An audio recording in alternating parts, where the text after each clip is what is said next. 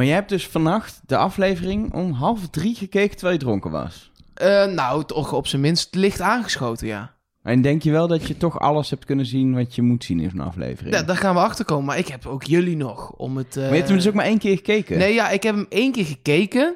En vanochtend op weg van Eindhoven naar Hilversum, waar ik werk, heb ik hem nog één keer geluisterd. Of ik niet nog iets, of iemand niet iets Ah, geks zei. Of... Het is best wel een goeie om Ja. eigenlijk altijd een keer te luisteren, omdat je dan niet over afgeleid door het beeld. Dan kun je Nee, heel maar- concentreren op wat mensen zeggen. Ja, soms is er ook wel ineens twee minuten gewoon alleen een muziekje. En Ja. dan denk je, wat gebeurt er nu? Wat gebeurt Ja. er nu? Maar die muziek was wel weer erg lekker. Zeker, Ja. zeker. De- Ik hoop dat er nog een, een, een- Vaak komt er zo'n playlist. Is die er al Ja, eigenlijk? ja, die gebruik ik iedere keer voor de Oh, nee, Oh, precies, ja, precies. Heel goed. Daarom eh, zit er zo goede muziek in de podcast ook. Lekker Dus de playlist. bezig. We hebben ook op een gegeven moment mail gehad van de maker van de playlist. Om de playlist te tippen. Nou, bij deze. Nou, Ja, Als is je een van eh, Spaanse Spotify dingetjes houdt. ja dan doen we gewoon Wie is de Mol eh, soundtrack of zo opzoeken. 2019, 2018, 2017, alles erop. En je ziet ook echt dat er een heel veel van die Spaansachtige gitaarmuziek in zit en zo. Ja, heel cool.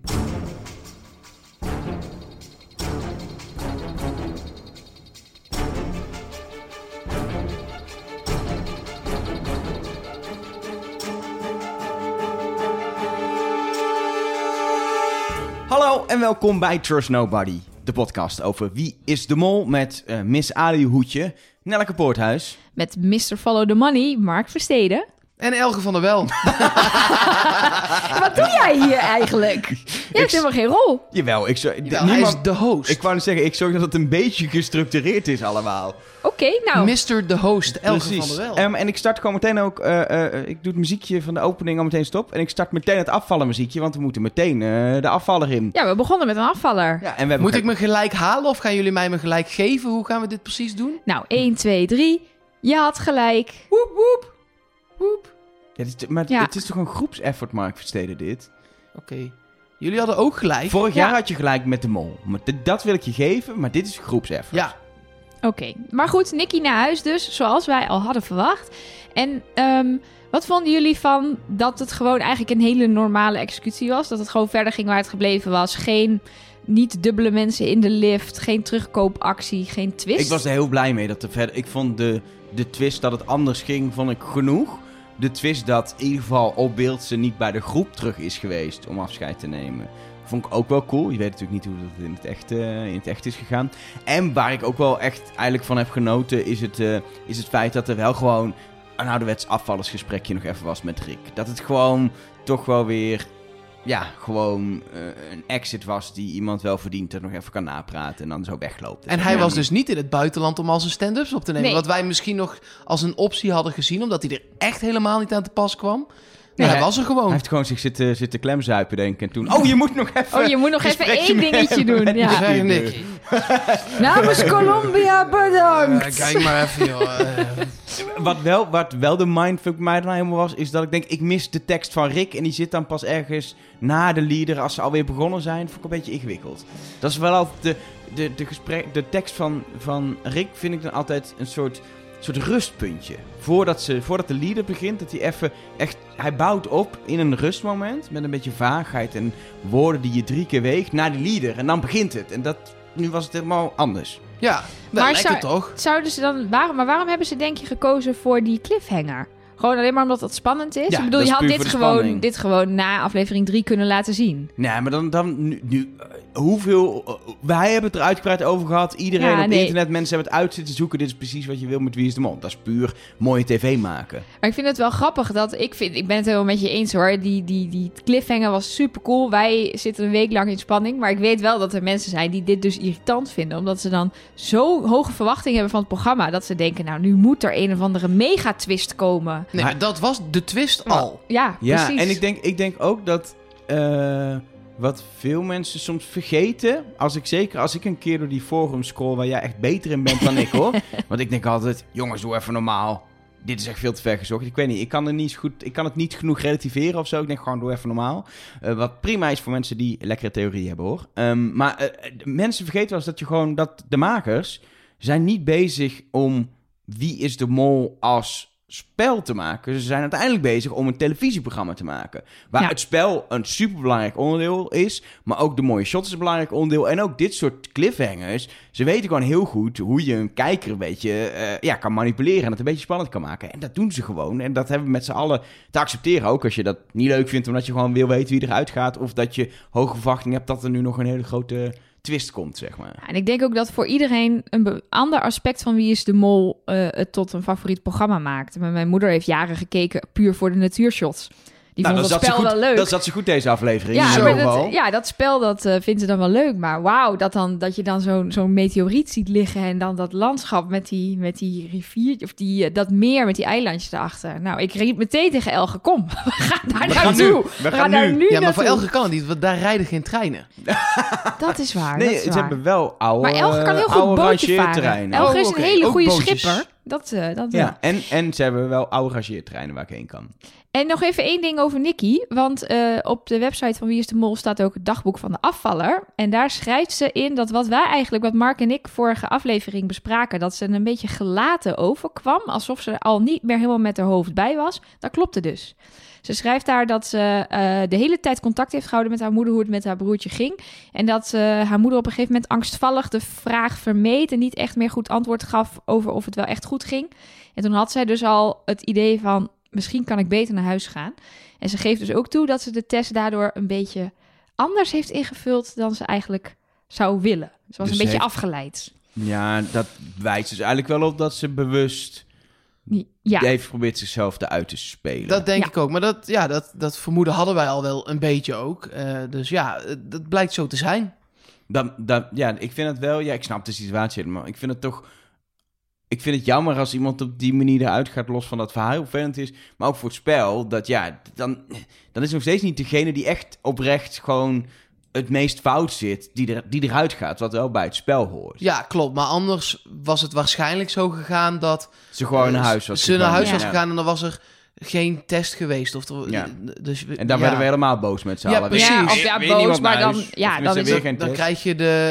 eh, hoe heet hij nou? Eh, Ja, die Jean-Marc. Jean- eh, Dan krijg je Jean-Marc scenario. Dat vond ik veel erger dan Ja. dit. Nee, ja, en dat was ook nog dat hij het niet aankon. Waar wij dan als mega-fans zeggen: wat de fuck, laat ons daar zitten. Terwijl, ja, dit is natuurlijk iets waar Nicky helemaal niks aan kan doen. En ik begrijp heel goed dat je meteen naar huis wilt als, je, als het zo slecht gaat met je broertje. Maar op zich is dit een goede exit voor Nicky. Ja. Ja. En dan moet de leader, dan moest nog komen. Gewoon. Ja, Ja. precies. Dan was dit allemaal al gebeurd. Ja, Ehm, ik heb nog eens extra zitten opletten in die leader op die... Op die oh, ik durf nu niet meer. Puzzel. Puzzel. Puzzelstukjes. Puzzelstukjes. volgens Rick van de Westlaken is het puzzelstukjes. Puzzelstukjes. Ik vind het allemaal prima. Ehm, maar ik weet niet hoe jullie erover denken. Ik heb ze gezien. Mhm. En inderdaad, er zitten steeds meer en verschillende shots in. Het zijn voor mijn gevoel allemaal dezelfde type eh, stukken. Allemaal te- L-vormige... te- Tetris. eh, die Tetris L- acht, L-dingen ja. uit Tetris. Ja. Maar je kunt nog niet zien wat daarop staat of wat het zou moeten worden. Nee, het enige is wel dat het. ehm, er was een theorie dat iemand zei. op basis van de vorige leader. Ik zie ook twee E's in het water liggen. Dus dan heb ik twee E's en een L. Dat kan dan Merel of Evelien vormen. Maar eh, inderdaad, het zijn alleen maar meer L's, lijkt het. L- Ellen, hoe zeg je dat? Eh, in ieder geval geen hele letters, volgens mij. Er zijn Ehm, ook wel mensen die, die er volgens mij... eh, op dit zag ik mensen die, die zagen er een, la- een stuk een landkaart in. Hmm, nee, Maar- het enige wat, wat ik echt heb gezien is er is één stuk dat volgens mij heel duidelijk een soort eh, tekening, graffiti-achtige mond en neus is van een vrouw. En ik ben daar nog even op verder gaan zoeken, want eh, eh, zoals je al eerder zag, ook met de muurschildering van de kandidaten zelf, is er heel veel street art in eh, Colombia. En er is één hele bekende eh, Colombiaanse street artist en die maakt een beetje van dat soort gezichten. Dus ik dacht misschien, even kijken, ik heb ergens opgeschreven hoe hij heet. Dat is Chota Treze, zo heet hij.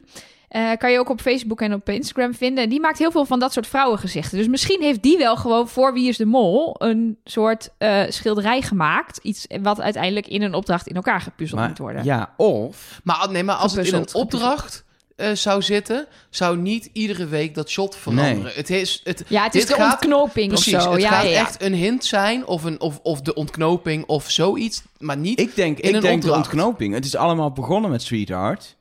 Namelijk de, de bekendmaking van de kandidaten voor het seizoen. En het is zo logisch in hoe Wie is de Mol gemaakt wordt, in verhaallijntjes, in... Je kent uit het verleden ook wel dat ze helemaal terugzoomen naar het begin van het, van het Mhm. seizoen, eh, Ja. bijvoorbeeld. Alles terugdraaien. Dan is beginnen met Streetheart en op een of andere manier daarmee eindigen, is super logisch. Precies om die reden heb ik vannacht nog wel eh, aflevering 1, het begin, teruggekeken. Die was namelijk ook aan het water. Mhm. Ehm, en precies om die terugspoelreden dacht ik... misschien is dat ding wel gewoon in beeld bij aflevering 1.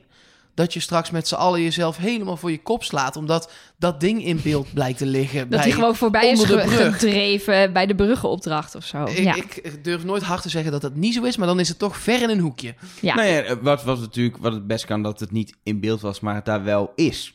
Ja, maar ja, als ze die laat zien, ze durven dat dan denk ik niet in beeld te brengen. Nee, hè? precies. Maar het is net zoals dat, dat jij vorig jaar dacht Jan te hebben zien lopen, daardoor volop Jan ging. Bleek dat je iemand anders hebt gezien, maar het was uiteindelijk wel Jan die daar liep. de maar we hebben theorie we hebben klopte. we Ja. hebben- Ja. hij- Ze hebben hem niet in de montage überhaupt laten zien, want dat hebben ze niet aangedurfd, zeg maar, om hem, eh, om hem in beeld te brengen. Ja. je zag alleen de, die, die De hoodie. Je zag iemand Ja. zitten op een bankje met een hoodie, maar daar kon je niks aan herkennen. Nee, precies. Nee, ja, het, het moet iets zijn. Dit, is, dit is, zit er niet voor niks in. Precies. En, eh, en de makers kennende gaat het ook echt nog wel wat afleveringen duren... voor we er echt iets uit kunnen afleiden. Want we zijn nog maar bij aflevering 4. Ja, het is goed Dus, om het er eh, even elke keer over te hebben of we al iets hebben gezien. Ja. Inderdaad, die, ja, ik had de mond niet echt gezien, maar de neus dacht ik ook wel. ja, nee, het zijn echt van die, van die lipstick lippen. Van die hele geprononceerde vrouwenlippen. Dus misschien is het een soort eh, eh, ja, eh, portret van de drie finalisten of zoiets. Ja, of, dat is eh, lastig vooraf te maken. Dan moet je het echt Ja. gaan maken eh, op het moment dat het finalist is. Stel, de mol kun je heel goed vooraf al Dat Ja, dat is waar. Ja. Dat is waar. Als het alleen de mol is, nou ja, dan is het dus een vrouw. Dus dan hebben we er nog maar twee over. ja. ja, want het gaat hard met de vrouwen, spoiler ja. alert. Oeh jee, we hebben gespoilerd. Precies. Anyway, laten we gewoon bij het echte begin beginnen. Ja. Aflevering 3, drukker worden. Aflevering 4, lief schat. Ik heb drie in mijn molboekje staan. Ja, dat is niet waar. Nou, Nu niet meer. Ik pak even 3, een pen. Ik Nu blader staat- terug. dat is ook goed. Aflevering, Goh, die zouden naar huis. Nicky of Robert. Spannend was dat, hè? aflevering 4. hey, ja. Drukker worden. Drukker tussen worden. Time flies when you're having fun. Met aflevering spatie. 4. Ja, Ja, maar- ja drukker drukker, worden. worden. ik, ik, Ja. ik snap hem niet. Nee, Ik snap hem gewoon echt niet. Is er een kandidaat die eerst rustig was en steeds drukker wordt?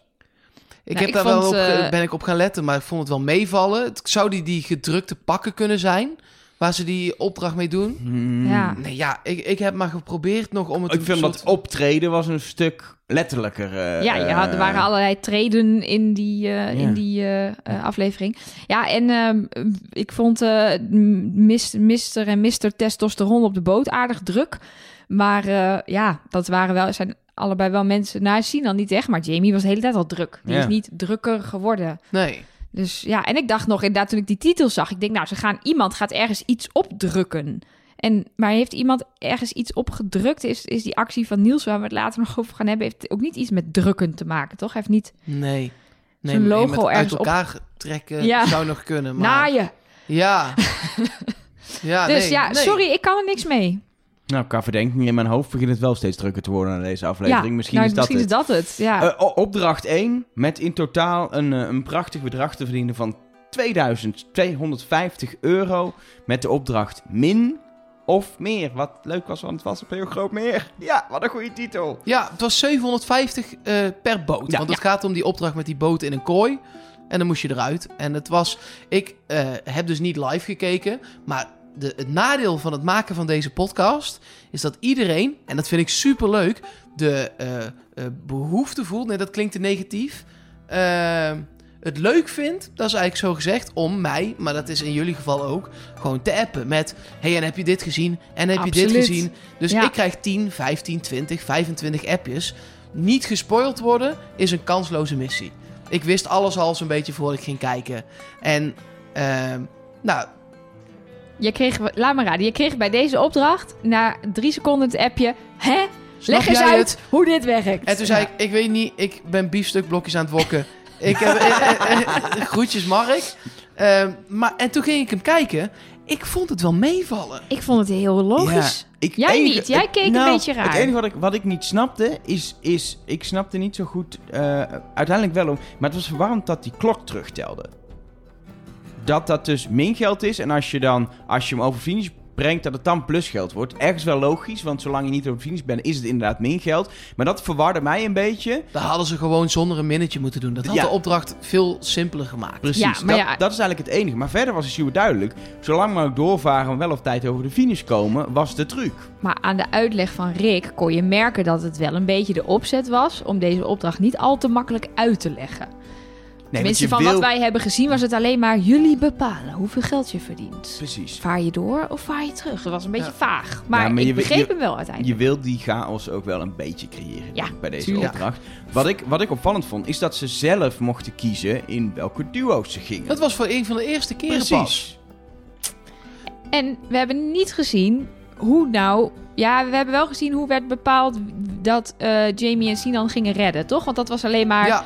Ja, het enige eh, wat we ja, ik heb, daar, ik heb daar wel zin in. Ja, nou het enige wat we niet hebben gezien is wie bepaald heeft wie er voorop vaart. Ja. En wie in het midden en wie achteraan. Want dat heeft natuurlijk nog best wel grote gevolgen voor... Nou, als je de eerste boot bent, als je voorop vaart... Dat deden Jamie en Sinan op zich slim. Je moet natuurlijk de eerste boot Het als eerste eerste doen. Dat, ja. dat is logisch en dat kun je zelfs als mol... kun je niet zeggen, we moeten de achterste doen. Want dat slaat nergens op. Nee.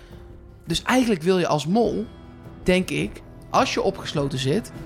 in dat voorste bootje Ik zitten. dacht ook, je wil of in die voorste boot zitten, of je wil in de reddingsboot zitten. En dat waren eh Evelien en Niels, toch? Die in de eerste boot zaten. Die Ja, dus ja, als eerste bevrijd Dus- werden. Dus die werden ook als eerste bevrijd met de prachtige code 8482.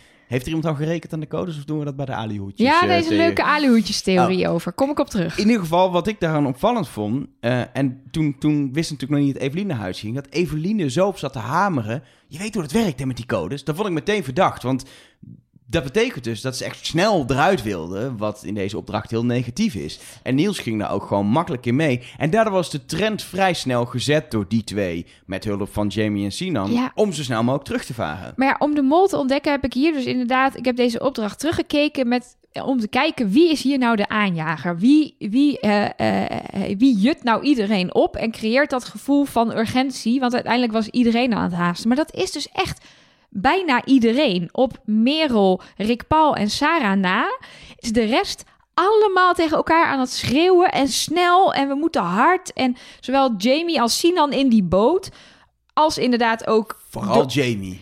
Ja, maar Sinan Ik zou ook hoor. al- als ik, als ik Rick Paul of Merel was geweest, had ik bijna gewoon mezelf bevrijd om naar de boot van Jamie toe te varen en Jamie het water in te tieven. Ja, hij was irritant, hè? Wat irritant. Maar die was gewoon even aan het machoen in zijn boot. Ja, maar het was echt, doe even normaal. nee, het gast. was heel Ik irritant. had ook echt, als ik, dat vond ik dan weer wat typisch. Het totale gebrek aan ruggengraat van zowel Merel als Rick Paul. Die duidelijk samen doorhebben hoe dit spelletje werkt. Mhm.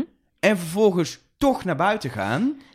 Omdat ze opgehuurd worden door Jamie. Je schreeuwt toch gewoon tegen Jamie een of ander scheldwoord en hou je bek.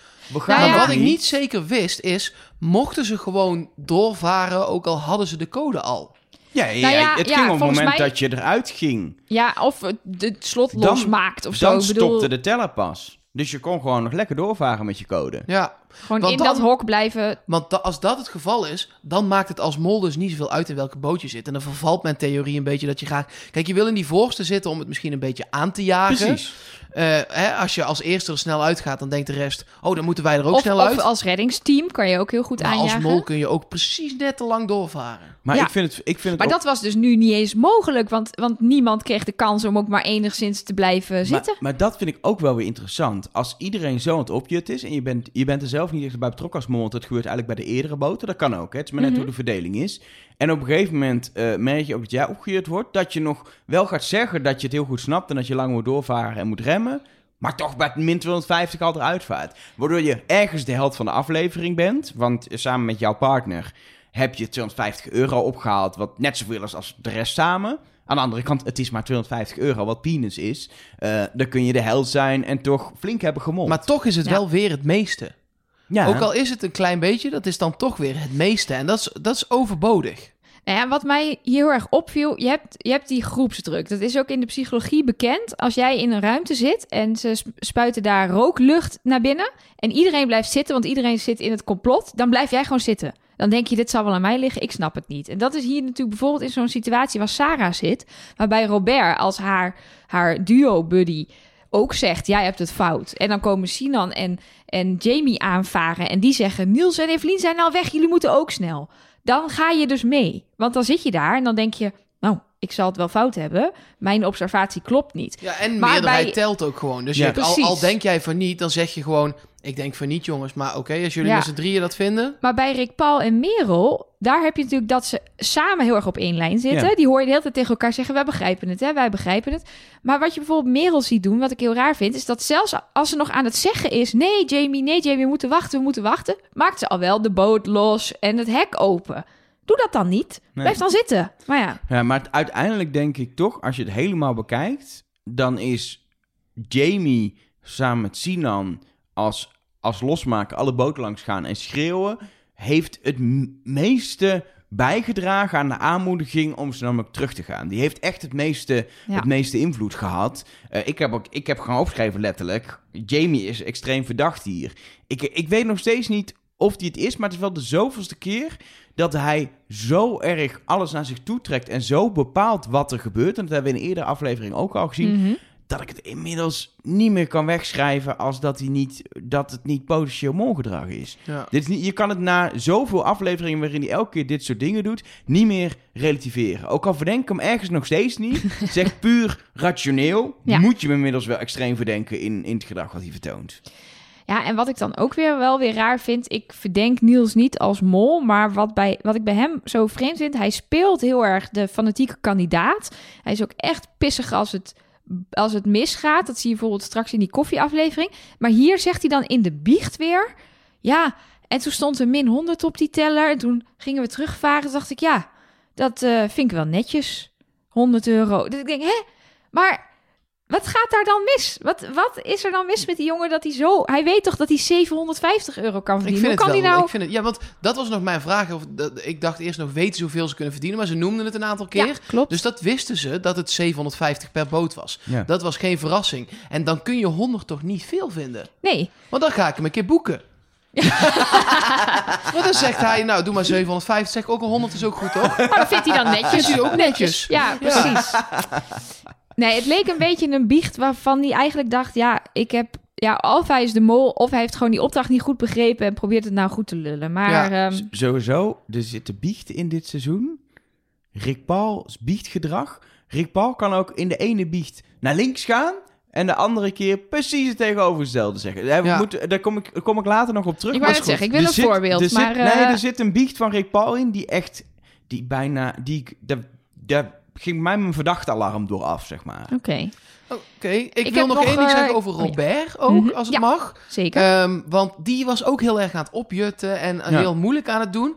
En ik vind dat toch gek voor een chef patisserie, zeg maar. Want dat is gewoon een soort chef-kok, maar dan in een bakkerij.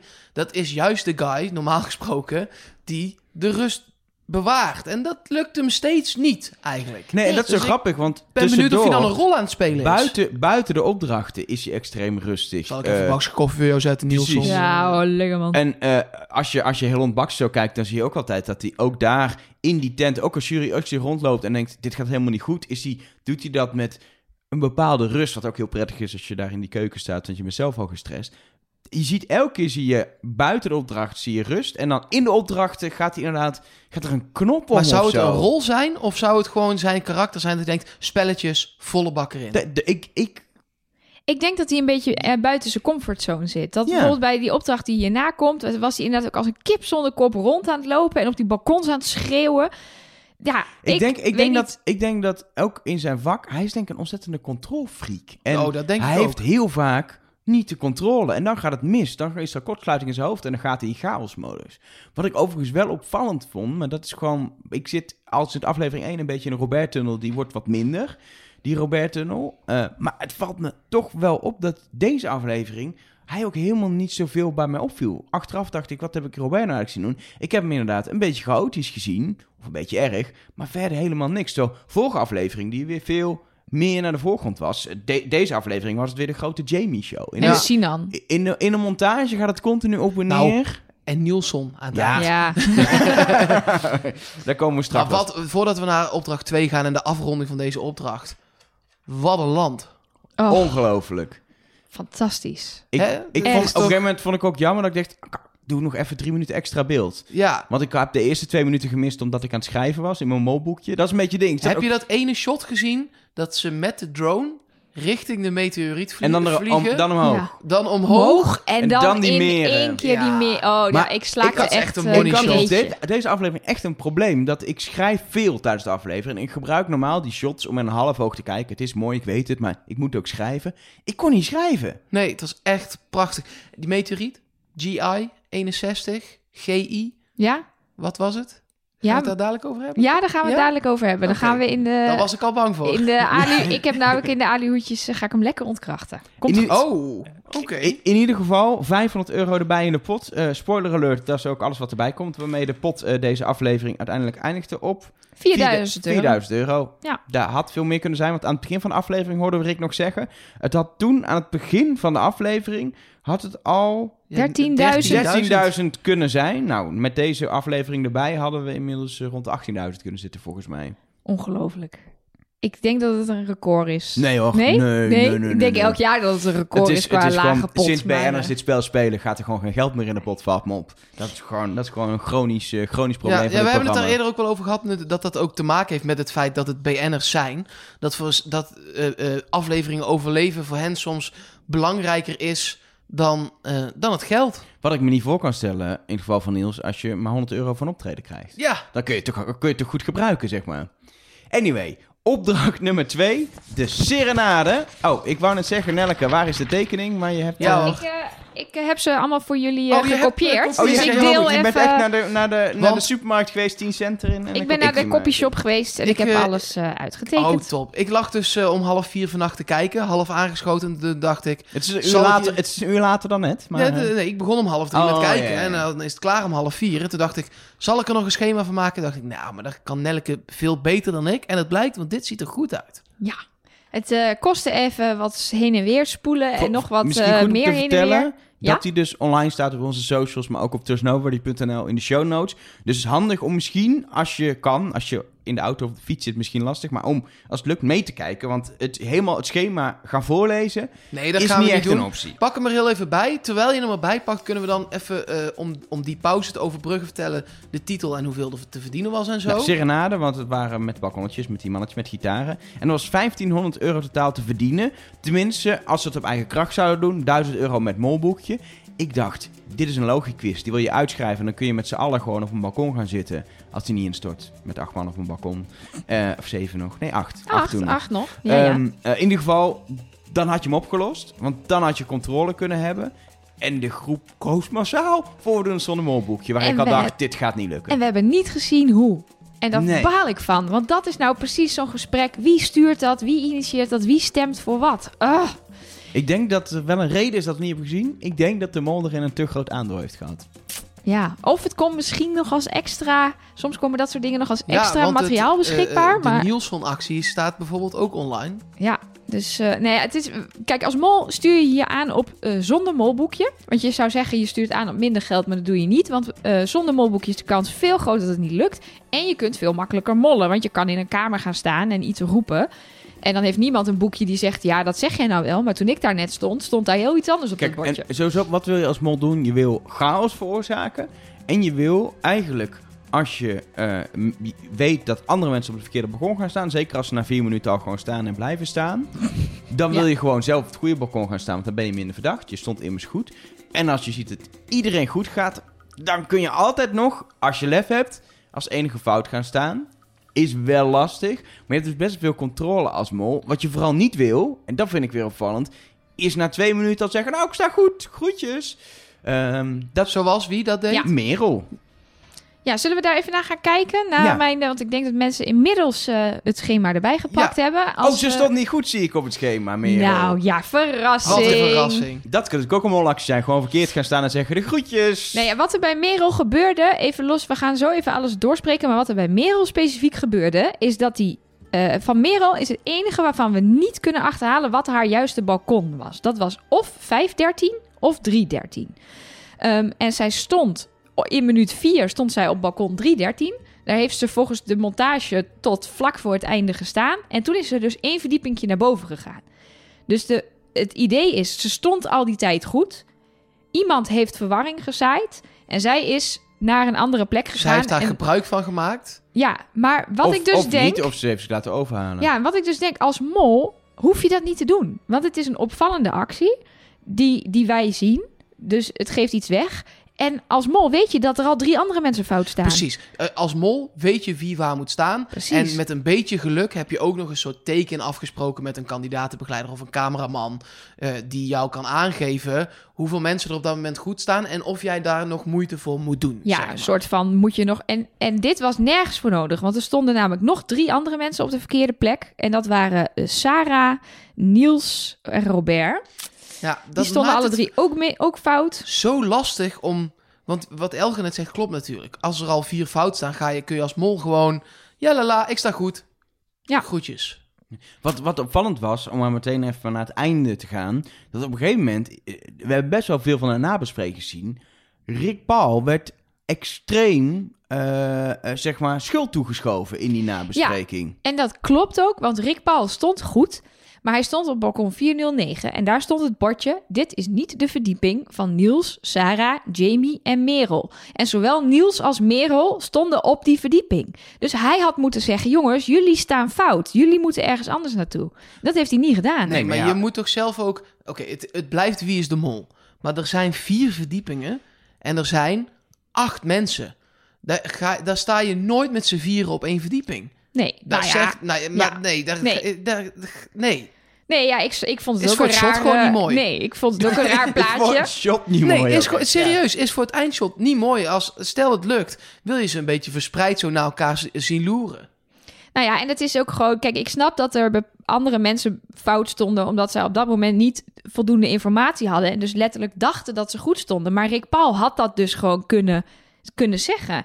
En ja, doet hij dat dan niet omdat hij de mol is? Dan zit hij in de ideale positie van hij staat goed... en hij weet dat de anderen niet goed staan. Of laat hij, is het zeg maar gewoon informatie voor zichzelf houden... en, en gaat hij observeren wat Niels en Merel dan doen... Misschien heeft hij het ook wel één keer gezegd om te kijken of die daar zich iets van aantrokken, ja of nee. Het was in ieder geval chaos, dat gaf iedereen toe.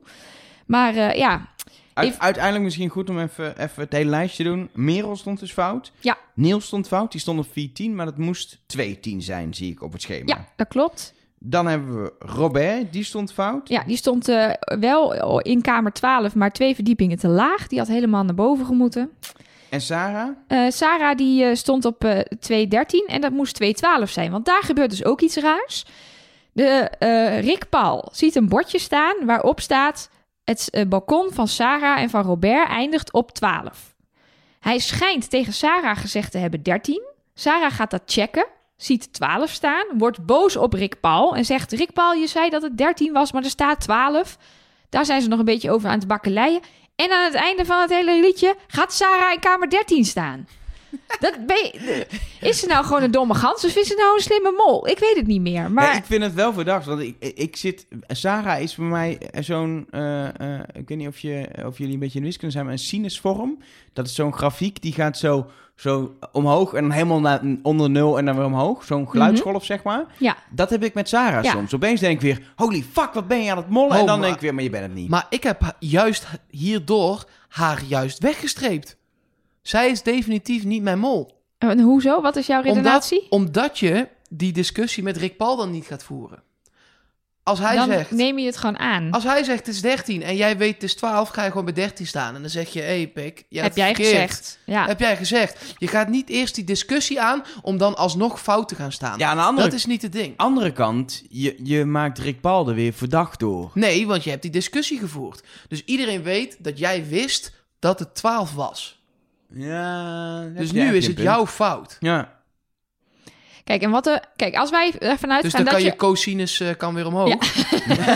Je gaat gewoon tijdens deze aflevering al Ja, heen en precies. weer. Ja, nee, dat is altijd tijdens Kijk, een opname. Als je onze gedachtenlijn volgt, ehm, dat de mol goed staat omdat er al genoeg fout staat, eh, dan is dus Sinan, Rick Paul of Jamie de mol, want Evelien is er, eh, is er niet meer. Ehm, nou ja, en Rick Paul hebben we het net al over gehad. Die, dat is wel een beetje schimmig. Ja, Ehm, Evelien is het zeker niet. Evelien is Dat het zeker, zeker. niet. Eh, Jamie hebben we hier eigenlijk vrij weinig van gezien. Die is gewoon als, als een kip zonder kop aan het rondrennen en staat uiteindelijk op het juiste balkon. Ehm, en Sinan die staat dus heel vroeg op het juiste balkon, pakt een stoel en gaat er lekker bij zitten. Ja, maar dat is ook opvallend, want dan kun je daarna ook niet meer echt weg. Dus stel iedereen staat ineens toch goed en je bent de mol en je hebt de stoel Ja. erbij gepakt, heb je wel echt een probleem. Nou ja, dat zat. Ik dacht in eerste instantie dacht ik wat raar. Eh, ehm, waarom ga je niet anderen helpen? Jij weet, oh, eh, ik moet 411 hebben. Ik heb nog acht minuten. Ik ga zoveel mogelijk informatie verzamelen. Maar inderdaad, als mol wil je ook niet blijven zitten, want dan kan je dus ook geen eh, verwarring meer zaaien. Je kan mensen niet meer in de gaten houden. Dus nou ja, het is een eh, ingewikkelde opdracht. Ja, Ja. ik heb nog wel een, een hint-theorie. Ik weet niet of hier straks ook alihoedjes van zijn. Maar anders wil ik hem vast gewoon Nee, behandelen. ja, dan is het maar maar. weg. Ja. Ehm, want het balkon van Merel kreeg dit van meerdere mensen ook eh, toegestuurd. Ik ga niet alle namen noemen, maar dankjewel. Mhm. Ehm Merels balkon eindigt op een 13. Ja. Bij de opdracht waar met dat groene ding geschoven moest worden, Over die rare letters. eindigde Cijfers. het ook op 13. Daarna zat er ineens een gat. Mhm. En de dertiende letter van het alfabet is een M. Dus is Merel dan de mol? Vraagteken. Wat ik ook nog las, is dat waarschijnlijk 313 het balkon van Merel was. En dat is de nummerplaat van de auto van Donald Duck. En dat is ook een vogel.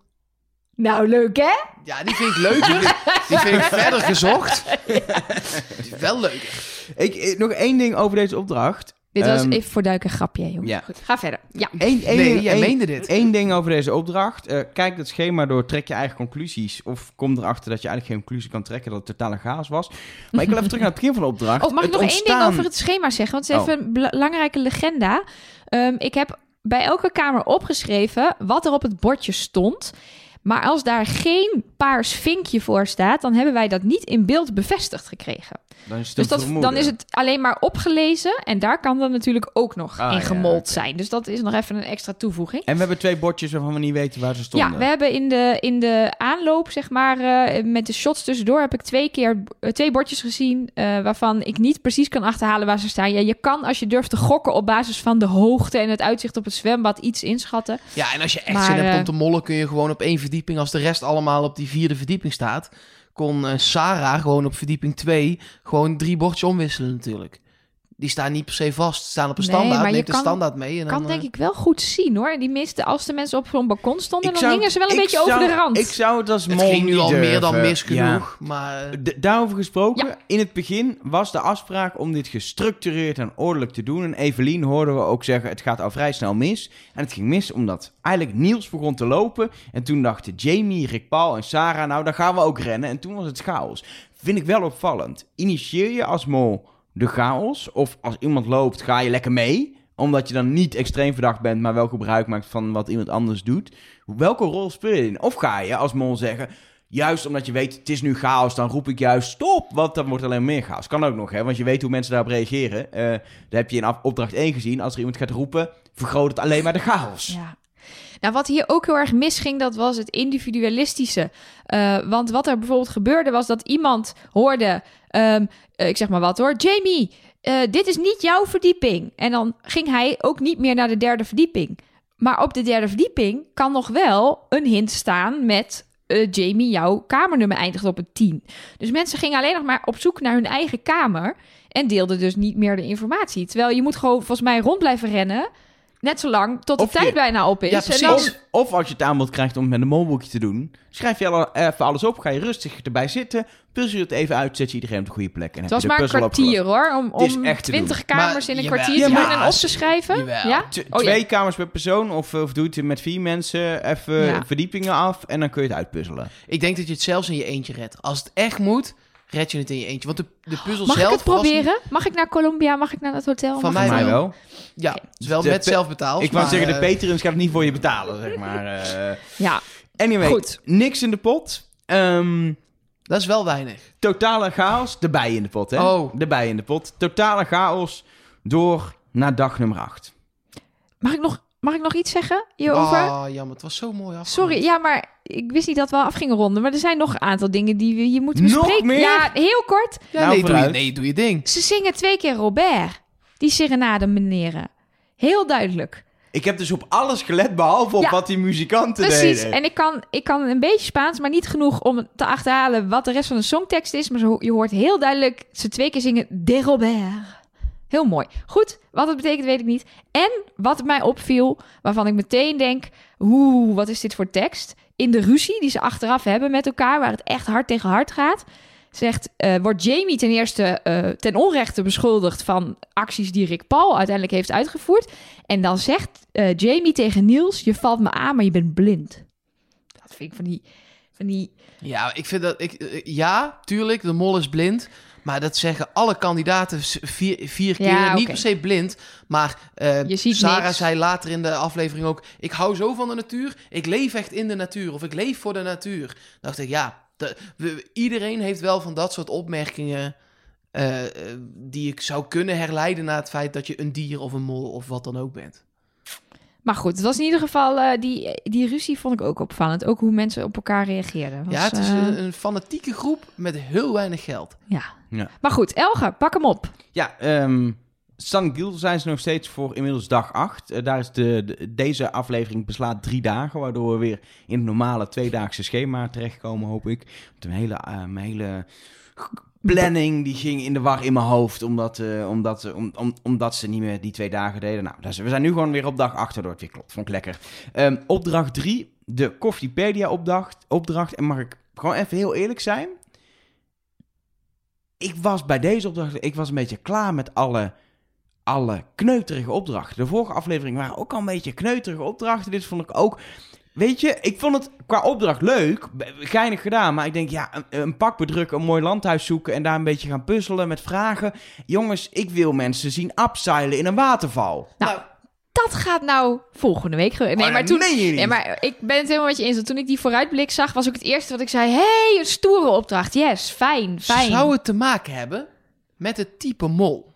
Dat is wat ik me bedacht. Mhm. Dat denk ik wel. Dat heb jij volgens mij al eerder geopperd, toch? Dat Ja. idee, dat, dat het soort opdracht... Ik vond, het eh, na, ik vond het namelijk na vorige aflevering al... Nou, ik wil het geen saaie opdrachten noemen... maar er zit heel weinig variatie in tot nu toe. Eh, zelfs die kisten, wat wel een redelijk fysieke opdracht is... is dat, was, dat stond nog zeg maar daar los van. mhm. Maar daarna Het is Best allemaal niet fysiek, het zijn allemaal, het zijn allemaal mindfuck opdrachten. mindfuck, coördinatie, chaos, begrijpen wat er moet gebeuren. Coördinatie, opdrachten. communicatie. Precies. Ja, heel veel samenwerken, wat ze dus niet doen. Nee, wat, Maar wat zou dat dan betekenen? Is de mol dan fit of niet fit? Ehm, nee, ik denk dat de mol dan niet eh, eh, per se een eh, testosteronvolle man eh, is. Als deze theorie zou kloppen, zeg maar. Omdat de, eh, de, eh, bij fysieke opdrachten kun je dan dus minder mollen. Omdat, stel, je moet ergens heel snel zijn en dat kun je niet. Nee, precies. Dan heb je geen invloed meer. Dan ben je je controle kwijt Precies. als mol. Ja. Maar ergens, ergens wat daarbij ook eh, bij mij opdoemt, en dat is een zwaktebod, is dat je, je, je bekijkt deze groep, je bekijkt de persoonlijkheden en ziet, hier zitten wat egootjes in, hier zitten mensen die zeggen dat ze het beste weten. Nou, die hebben we echt al wel gezien inmiddels. Dit wordt sowieso een chaos. Waardoor je lekker veel van die opdracht doet en dan gaat het vanzelf mis. Dan weet je, die opdracht slagen toch niet. En de mol kan er nog een beetje een extra setje geven. Maar dan wordt het de mol wel heel makkelijk gemaakt. Ja. Dat vind ik jammer. Terwijl juist als je heel veel diverse opdrachten hebt, dan moet je... De ene keer laat je de groep uiteindelijk verpesten. En de volgende keer moet jij als mol het zelf doen, omdat het een heel ander soort opdracht is. En dat mis je een beetje, omdat het steeds opdrachten zijn waar chaos het laat mislukken. Ja, Nou ja, en wat mij ook opvalt is hoe het geld eh, verdiend kan worden. Het is heel vaak alles of niks. En het is ook nog eens heel vaak kiezen jullie maar. Eh, Oh, hoe, maar hoe, bedoel je alles of niks? Nou, bijvoorbeeld bij die eh Koffiepedia-opdracht. Het is niet helemaal alles of niks, maar het is wel zodra er een vraag fout is, is staat de teller weer op nul. Bij de, bij de balkonopdracht, ze moeten allemaal goed staan. En zo Ja, niet, precies. dan is het. eh, dus, en alleen die, die opdracht met die lasers is tot nu toe een opdracht geweest waar mensen individueel geld verzamelen. Nee, oh nee, ja, met nee, die boot. bootjes ook. En, eh, de, en de- nog daar wel hebben we wel- een paar keer. hoor. Maar het, is wel, het zijn nog steeds kleine beetjes af en toe. Maar het kan in heel veel opdrachten ook ineens weer nul zijn, inderdaad. Daar heb je wel gelijk in. Ja, en ook natuurlijk, ze hebben nu al een paar keer zelf de keus gekregen om iets in te schatten. Gaan we voor een half uur of voor 45 minuten bij die, bij die eh, puzzelopdrachten met die balken? Nu weer, willen jullie met of zonder molboekje doen? En we hebben vorige keer gezegd, toen werd de groep twee keer onderschat misschien is dit een soort opzetje voor later, voor het overschatten. Nou, dat hebben ze nu net weer met die serenade-opdracht gedaan. Toen dachten ze weer, dat doen we wel even zonder molboekje. Wat wel wijst op een mol die kan manipuleren. Ja, die, nee, dis- die, zeker. die discussie dan Ja, op die- de juiste manier Precies. voert of met een die groep. kan zorgen, ook, ook buiten de opdrachten, omdat mensen zich onzeker gaan voelen of zeker gaan voelen. Of denken, ik kan de rest niet vertrouwen, dus ik moet mijn eigen pad trekken, waardoor ik chaos ga veroorzaken onbewust. Eh, eh, ik denk wel dat we het in die hoek moeten zoeken. Een mol die precies weet hoe die de groep kan bewerken. Juist niet alleen tijdens de opdracht, maar in de beslismomenten, in, tussen de opdrachten door. In Zodat het de groep vliegtuig. iets gaat doen in de opdracht. En die eigenlijk, die ze eigenlijk, eigenlijk het zaadjes al heeft geplant om de opdracht te gaan mislukken. Want je kunt ook in het vliegtuig, als iedereen gezamenlijk bij elkaar zit, gewoon een keer laten vallen. God, waarom onderschatten wij onszelf nou de hele Ja, tijd zo? We moeten niet zo bescheiden zijn. Wij zijn best een goede groep. We zijn helemaal geen goede groep, maar ja, we kunnen dit. Ja, kijk En, nou eh, wat we allemaal mee hebben. Sli- Robert is slim, Sinan is dit en Merel is dit. En eh, we zijn Precies. echt een goede En je groep. kan ook beginnen, waarom lukt het nou niet dat we eh, zo slecht communiceren, bla bla bla. Om, om echt twee zinnen later te beginnen. Ja, ik vertrouw die, die en die niet. Zeker niet wat ik nu heb gezien in de opdrachten. Zijn niet te vertrouwen, dus ik moet wel mijn eigen pad hier trekken. Oké, maar over wie hebben we het dan nu? Wie past dan het beste in dit plaatje? Hmm, laten we dit aan het eind van de Ja. aflevering bespreken. Laten we eerst Eerst opdracht 3 even doen. die eh, ja, ik koffieopdracht. vond saai, dingetjes, laptop, bliepjes, ging al van alles fout. Ik vond dit de minste opdracht tot nu toe. Ja, qua qua ja. leukheid. Ik vond Ik er niet vond- zoveel aan. Ik vond het ook vooral, het was super moeilijk om als kijker te zien waar dit eh, eh, misging. Ja, er zijn Eh. een aantal duidelijke. Ja, er is een keer eh, dat eh, Niels eh, een eh, spelfout maakt in Dubbel Rit- R. Rita Corita. Ja. Ehm, je ziet Merel twee keer een laptop tot een rood scherm toveren. Maar wel beide keren met een groepje mensen om haar Ja. heen die zeggen wat ze in moet vullen. Maar- dus Wat, op een gegeven moment er, staan er zes of zelfs acht mensen om zo'n laptop heen. Ehm, iemand gaat tikken. Als mol is het perfect om niet te tikken te zijn. Want dan word je heel verdacht van. Want dan heb jij het gedaan. Maar als jij gewoon in die chaos van zes mensen... op iemands broek achter binnenkant van zijn been kijkt... eh, eh, bukkend en zegt... het antwoord is volgens mij dit of dat... en diegene toetst in het is fout... kijkt iedereen toch naar degene die het in heeft getoetst. Heeft die het wel goed gedaan? Iedereen kijkt daarmee, terwijl jij misschien het verkeerde antwoord hebt gegeven. Of net het verkeerde Maar antwoord. hier was ook weer de, de, de rush, de, de chaos die ze creëren. Dat, dat ze gewoon die vragen ook niet goed lezen. Want soms vroeg een antwoord gewoon om een werkwoord. Je ziet die vragen, je weet, het antwoord moet een werkwoord zijn.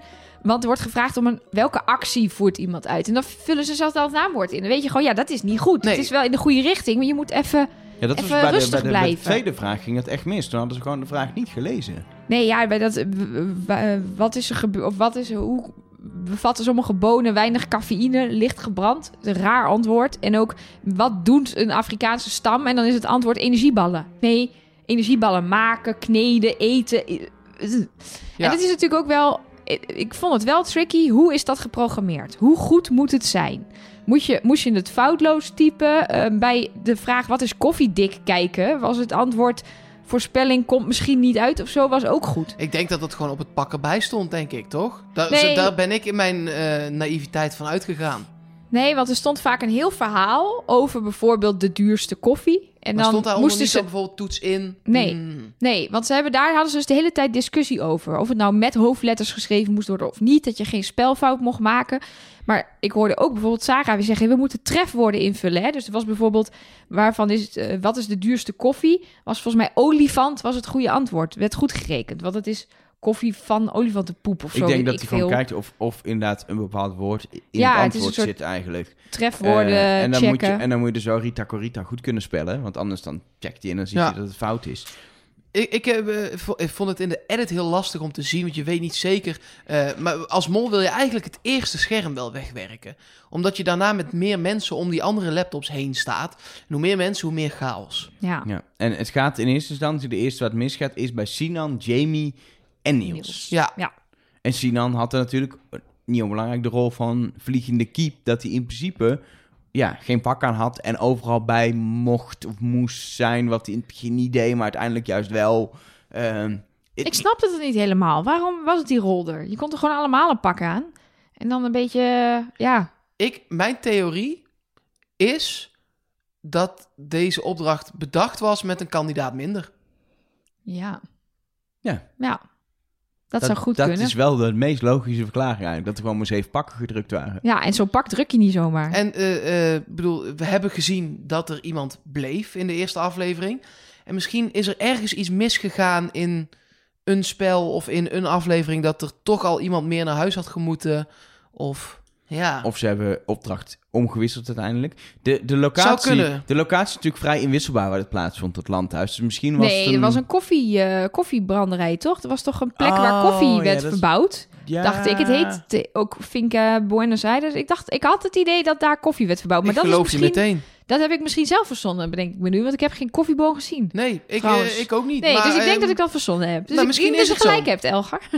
Ja, maar dat- misschien, ik denk dat dat het is. Dat, dat, dat was de, mijn beredenering in ieder geval. Ja. oh, die, dat, want, Ja, want er was niet een heel duidelijke rol van... je hebt iemand nodig zonder pak, want anders kan het niet. Want iedereen mag rondrennen. ja, en er had prima een achtste bij gekund. Een achtste eh, onderwerp met een Ja. pak. Ja, want die onderwerpen, ik heb ook nog naar zitten kijken of iedereen had zijn eigen onderwerp.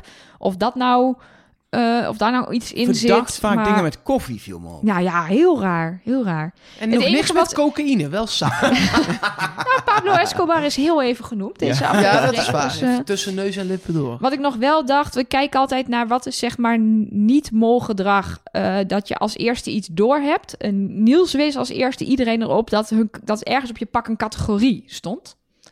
Dat vond ik dan weer niet-mol actie, want dat is, als je het zodra je dat niet door hebt, is de opdracht moeilijker. Dus eh, waarom zou je dat heel hard roepen? Ja. Eh, Verder opvallend natuurlijk, uiteindelijk dat er niemand is geweest die op een gegeven moment heeft gezegd, er werd ook letterlijk in de biecht op een gegeven moment iemand gezegd van, er is niemand geweest die zei, jongens, we kunnen ook een keer ergens stoppen en geld in de pot hebben. Gewoon, deze laptop heeft nu vier vragen goed, laten we stoppen. En we weten deze vijfde niet. We gaan gokken, laten we dat niet doen. Ik, ik weet niet, Ja. weet je nog wie dat was die dat zei in een biecht? Want ik vind het wel opvallend dat je dat opmerkt en achteraf lekker in een biecht zegt, maar tijdens de opdracht dan niet hebt gedaan ook. Dat je ook niet ja. degene bent ja, geweest volgens mij waren het gezegd. meerdere mensen. Volgens mij Ja. Waren het ook niet alleen maar in de biecht. Volgens mij zei later zelfs iemand het bij het napraten. Het We hadden punt- moeten stoppen. zei Precies, iemand. het punt is alleen, inderdaad, is achteraf lekker makkelijk. Het punt is dat niemand het heeft gezegd, kan je ook niemand de verdenking toeschuiven. Nee, want er heeft niet iemand het idee afgeschoten. Van nou nee, we willen door, we willen door. Ik weet het zeker. En dan alsnog Het het foute was- antwoord Je geven. kunt nog zo'n fantastisch idee opperen.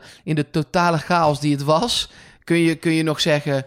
Kun je alle goede antwoorden geven en niemand luistert gewoon. Nee. Ja. Opvallend in ieder, geval, is in ieder geval wel dat... Ik zei het toch, ik zei het toch. En dan, Eh, nou goed. Als, als je eh, kijkt naar wie bij de foute vragen eh, ba- eh, betrokken waren, was Niels. Maar alle vier de laptops aanwezig waar het misging. En Sinan was ook verdacht vaak aanwezig. Ja, en Merel heeft er fysiek twee ingevuld die een rood scherm kreeg. Maar wel beide keren met getetter van allerlei andere mensen in de oren. Ik zit niet in de Mereltunnel zoals je hoort. maar goed, eh, laten we deze middelmatige opdracht eh, die 0 euro heeft opgeleverd achter ons laten. Ik heb En wel zin in een bakje koffie, maar eh, Nee, we gaan helaas door naar Ik test. snap nu wat, pas wat jij bedoelt met... Ze hebben misschien opdrachten omgeruild. Een opdracht van de volgende aflevering. ja. Ja, sorry. Het lampje brandt nu pas aan. Ik dacht gewoon omgeruild als in het was eigenlijk een andere opdracht. En dit hebben ze daar snel in elkaar gezet. Nee, nee, zeker Jij niet. bedoelt- Juist niet. De, Ja. eh, eh, dat er iets anders niet kon, dus dat ze die opdracht naar Sorry, Nou ja, het lampje ging ineens aan. Bijvoorbeeld die waterval die volgende week komt. Misschien was het slecht weer of was er gedoe. En dan Nou, de kunnen zon scheen hoor. Het was bloedheet. Ja, misschien was het Ja. te heet, Of weet ik het, het veel. waaide te hard voor die opdracht. Ja. Nee, ik snap het nu pas. Ja. Sorry, het lampje ging in één keer aan. Nou, fijn voor je. Ja. Gisteren heel veel gedronken. Hè? Maak je, klaar voor, maak je klaar voor test en executie, zei eh Rick. De eerste keer dat we hem letterlijk dat eh, horen hebben zeggen tegen de kandidaten, volgens mij. Ja. Van maak je klaar. Ik, eh, eh, eh, ik was geschokt. En ik ben teleurgesteld. En een beetje boos op mezelf. En al dat soort eh, dingetjes. Ja, want Ja, Mark. Mark, op wie zat jij vol 100% sinds vorige week? Ik weet, ja, nou, ik, maar ik heb geen punten meer in de Wie is de Mol app. nee, want je, Nul. jij zat op Evelien. Onder andere, ja. Maar ik had deze, deze keer wel bedacht... Ik ga alles inzetten elke keer op één iemand. Want ja, dan word ik of eerste of niks. Dat vind ik dan wel mooi. Nou, dat laatste Nou, is gelukt. Ja, het wordt, het wordt niks. Want ik had Evelien. En eh, nou, ik was ook niet de enige, eh, eh, hoorde ik in de verdenkingen. Nee, nee Dus, eh, zeker niet. Zowel mensen thuis als kandidaten eh, zaten op eh Evelien. Ja, ik ook een beetje. Ik heb ook al een paar keer Ja. genoemd. Dus eh, Voordat we het over die joker gaan hebben, want dat kunnen we voor het maar een kwartier over praten zometeen. Eh of zijn het vrij snel eens, dat kan natuurlijk ook. Ehm, is, er, is er iets wat jullie opviel in, de, in zeg maar, wie wie, eh, wie wie verdacht? Onder andere vond ik opvallend dat we bij Evelien niet hebben gehoord op wie ze zat. Nee, hebben we inderdaad alleen maar gehoord over de joker die ze in ging zetten. Dat ze niet met een joker in de zak naar huis wilde. Nou, dat is in ieder geval ook nou, niet dat gebeurd. is ook gebeurd. Ik heb weer netjes meegeschreven natuurlijk. En ik heb ook weer heel goed gelet op hoe het werd verwoord. En wat mij hierbij opviel, ehm, was bijvoorbeeld... Robert noemt Rick Paul en Sarah. Maar hij zegt, ja, Rick Paul en Sarah zijn de acteurs. Die moet ik wel in de gaten houden. Ja. Ja, dat kan dus alles zijn. Die weet helemaal niet of, of, of die haar verdenkt. Sarah zegt alleen maar, ik verdenk Robert niet. Want blijkbaar is Robert super panisch met, met opschrijven in een molboekje. En is hij geen goed acteur. Dus dat zouden ze dan eh, geloven. Jamie zegt over Evelien alleen maar... die heeft alles in zich om een goede mol te zijn. Dat is ook zo'n uitspraak die nergens op slaat. Dus of Jamie op Evelien zit, geen idee. Eh Merel is wel redelijk duidelijk. Die zit op Rick Paul, Evelien en Jamie... en neemt misschien Sinan mee. Dat is Dat niet zijn- heel duidelijk, hè? Dat is gewoon de helft. Ja, precies. Maar wel in, in hoe ze het verwoordt... is het wel dat ja, ze dat nee, dat ze daarop stemt. Niels doet hetzelfde. Eh, die neemt ook Evelien, Sinan en Jamie mee. Maar dan in plaats van eh, Rick Paul neemt hij Merel mee. En die vindt het dus ook heel spannend om nog steeds op vier mensen te zitten. Ik vind dat wel frappant hoor, dat die kandidaten nu nog steeds op vier... Is de helft, hè? Ja, en jij bent het niet. Dus dan heb je nog maar drie die je vertrouwt. En die andere vier, Ja. die verdenk je dan. Sinan zegt niet meer op Evelien te zitten, maar op Merel. Ja. Ehm, ook wel een duidelijke eh, eh, uitspraak die hij gewoon deed dat Ja. hij nu op Merel zit. Of dat 100% Merel is, dat weten we natuurlijk niet. Maar in ieder geval, daar zit zijn eh, eh, eh, verdenking. Kan best zijn dat hij op tijd geswitcht is, zullen we Ja. zeggen. Dat hij vorige keer geluk heeft gehad doordat Nicky gewoon zichzelf een beetje eruit heeft gespeeld. Toen op Evelien zat en nu door zijn switch zichzelf eh, heeft gered. En hetzelfde geldt voor Rick Paul, want die zei ook... ik verdacht Evelien en nu voor het eerst niet meer. Ja, en hij Dus- zei ook nog dat Evelien de joker kwijt is. Hij wist het dus al. Ja. ja. Of is de biecht later opgenomen? Dat kan ook. Maar ik denk dat hij het wel wist. ja. Ja, want hij zat eh, bij Evelien op de kamer. Er is blijkbaar een kamerswitch geweest. Want Sarah en Evelien waren eerst kamermaatjes. Maar nu eh, zei Rick Paul, dat is natuurlijk Nicky kwijtgeraakt... dat hij twee nachten bij eh, Evelien op de kamer had geslapen. En daardoor dus Evelien ook niet meer verdacht. Omdat zij zo eh, eh, panisch op die joker paste. Maar dus niet goed genoeg. Nee. Want ehm, voor de mensen die het nog niet hebben gezien, eh, op de website van Wie is de Mol staat een extra video over deze actie van Niels. Ja, en wat voor de... Sarah blijkt dus. Ja. Ja, precies. Dat wilde ik zeggen. Het is gewoon een tweemansactie. en het is dus niet Rick Paul. Want ik dacht, omdat Rick Paul bij Evelien op de kamer zat, dacht ik, Niels en Rick Paul hebben ook een bondje. Die heeft, heeft natuurlijk Rick Paul voor zijn karretje gespannen en heeft hem die joker laten jatten terwijl Evelien onder de douche stond. Maar nee, hij heeft het gewoon en plein publiek in de bus gedaan. Ja. En al uh, veel eerder. Want in dat filmpje zie je dat Nicky nog in die bus zit. Dus dit, hij heeft die joker gejat toen Evelien er nog drie had. Heeft hij, toen heeft hij al één joker verwisseld. Met een joker die hij zelf had opengebroken. En Als er is dus al een executie geweest. Als eerste toch de vraag, fysiek, hoe maak je die joker weer aan elkaar? En zo dat je niet ziet als kandidaat dat die Ja, joker... blijkbaar klikte het weer in Ja, elkaar. je zag toen Niels de joker splijt dat het met een soort van duveltjes was het in elkaar gezet. En je ziet dat er bij hem inderdaad maar een heel klein stukje hout afsplijt op de plek waar hij die bijtel heeft neergezet. Maar dat hij hem heel netjes opensplijt. En dat je hem dus denk ik ook best wel goed weer dicht kan drukken. Want hij is ook gemaakt van verschillende lagen hout. Ja, ja, het zijn twee uh, op elkaar Ja. hebben we in, uh, in, uh, in het voorstukje van aflevering 1 gezien. Maar het is toch mooi dat wij deze theorie in de vorige podcast, in onze derde aflevering, nou eigenlijk lachend begroeten. Ja. En zeiden, ja, nee, ja, openbreken, weer dichtplakken en dan omwisselen. Dat, gaat niemand doen. Dat gaat niemand durven. Nee, en weet, Nou- je wie dat, weet je wie dat zeker niet doet? In mijn ogen? De mol. De mol. Dit is echt... Ik heb Niels compleet afgeschreven. Waarom? Want je gaat niet zoveel aandacht naar je toe trekken om iemand... uit- Je speelt iemand uit het spel, wat je als mol best wil, maar uiteindelijk gaat het om geld. Je gaat niet zoveel aandacht naar je toe trekken. Jezelf zo in de spotlight spelen. In ieder geval, al is het misschien in de groep, want dan weet niet iedereen het, maar dat komt misschien ook uiteindelijk wel uit. Juist omdat Evelien nu uit is. Maar ook heel erg gewoon richting de kijker. Ga je het niet doen? Alle ogen zijn op Niels. Ik, geloof het niet dat je dat als mol doet. Dit is gewoon een kandidatenactie. Oké, ik wil even een rondje maken. Gewoon Ja. langs ons alle drie. Kan dit? Kan dit? Eh, ja. Ik vind dat het... Ergens vind ik dat het kan. Ik zou het alleen... Ik zou het spel zo niet willen spelen. Laat ik het zo zeggen. waarom niet? Omdat ik vind dat het wel heel ver gaat om eh, inderdaad, wat ik eerder zei, in mensen hun spullen te gaan zitten en echt iets gaan omwisselen. Ik, het jatten van, van, van jokers, eh, molboekjes, eh, dit, dit is dezelfde categorie, het omwisselen. Geld uit de pot, eventueel. Ja, maar dat vind ik anders. Dat, ja, als je uit mol bent, dan heb jij de taak en dan vind ik dat de penningmeester moet de pot goed bewaken. Je moet ook je eigen spullen goed bewaken. Daarom zeg ik ook, het is niet dat ik niet vind dat niet kunnen, alleen ik zou niet op deze manier kandidaat willen zijn. Eh, nee, voor, bij, mij, ik zit er eh, wat dat betreft hetzelfde in. Ik zou heel ver gaan. En we hebben het Niels ook horen zeggen... Oh, dat was wel... eh, dat zou ik in het dagelijks leven nooit doen. En nu het spel laat je gekke dingen doen. Misschien dat je het dan toch doet. Maar ik ben heel erg van... andermans spullen blijf je gewoon wel echt af. Als in hun eigen tas. Kijk, als zij hem ergens in een, in een tasje om haar nek heeft hangen... en je kunt hem zo wegpakken... maar echt in de rugzak met een dichte rits gaat mij net te ver. Heel Nederland is even gewoon cha- gechargeerd gezegd echt verbogen hierover. Mensen vinden het echt heel erg wat hij heeft gedaan. Ik vind dit dus echt een briljante actie en ik zou dit zo doen. Ja? Ik zou dit zo doen. Ik zou het heel heftig hebben gevonden dat Evelien huilend weggaat. En daar zou ik me echt, echt heel slecht over gevoeld hebben. Maar ik zou dit spel keihard spelen. Ik, zou, ik, heb ook al vaker gezegd, ik zou ook vanaf het begin af aan iedereen voorliegen over van alles en nog wat. Ik zou het echt gewoon helemaal Ik deel, het spel een, spelen. ik deel een gekocht huis en heel veel spullen met deze vrouw. Ik denk dat ik maar beide blijf, want als we uit, uit elkaar gaan, wordt het niet leuk, denk Nee. ik. pleit ik alles door midden en dan krijg je het aan elkaar geplakt weer terug. Nee, ja, ik, ik vind dus ook... Ja, kijk, als hij in de bus naast een tas zit... waar die, hij zei ook, hè, in het zijvakje zag ik de jokers zitten.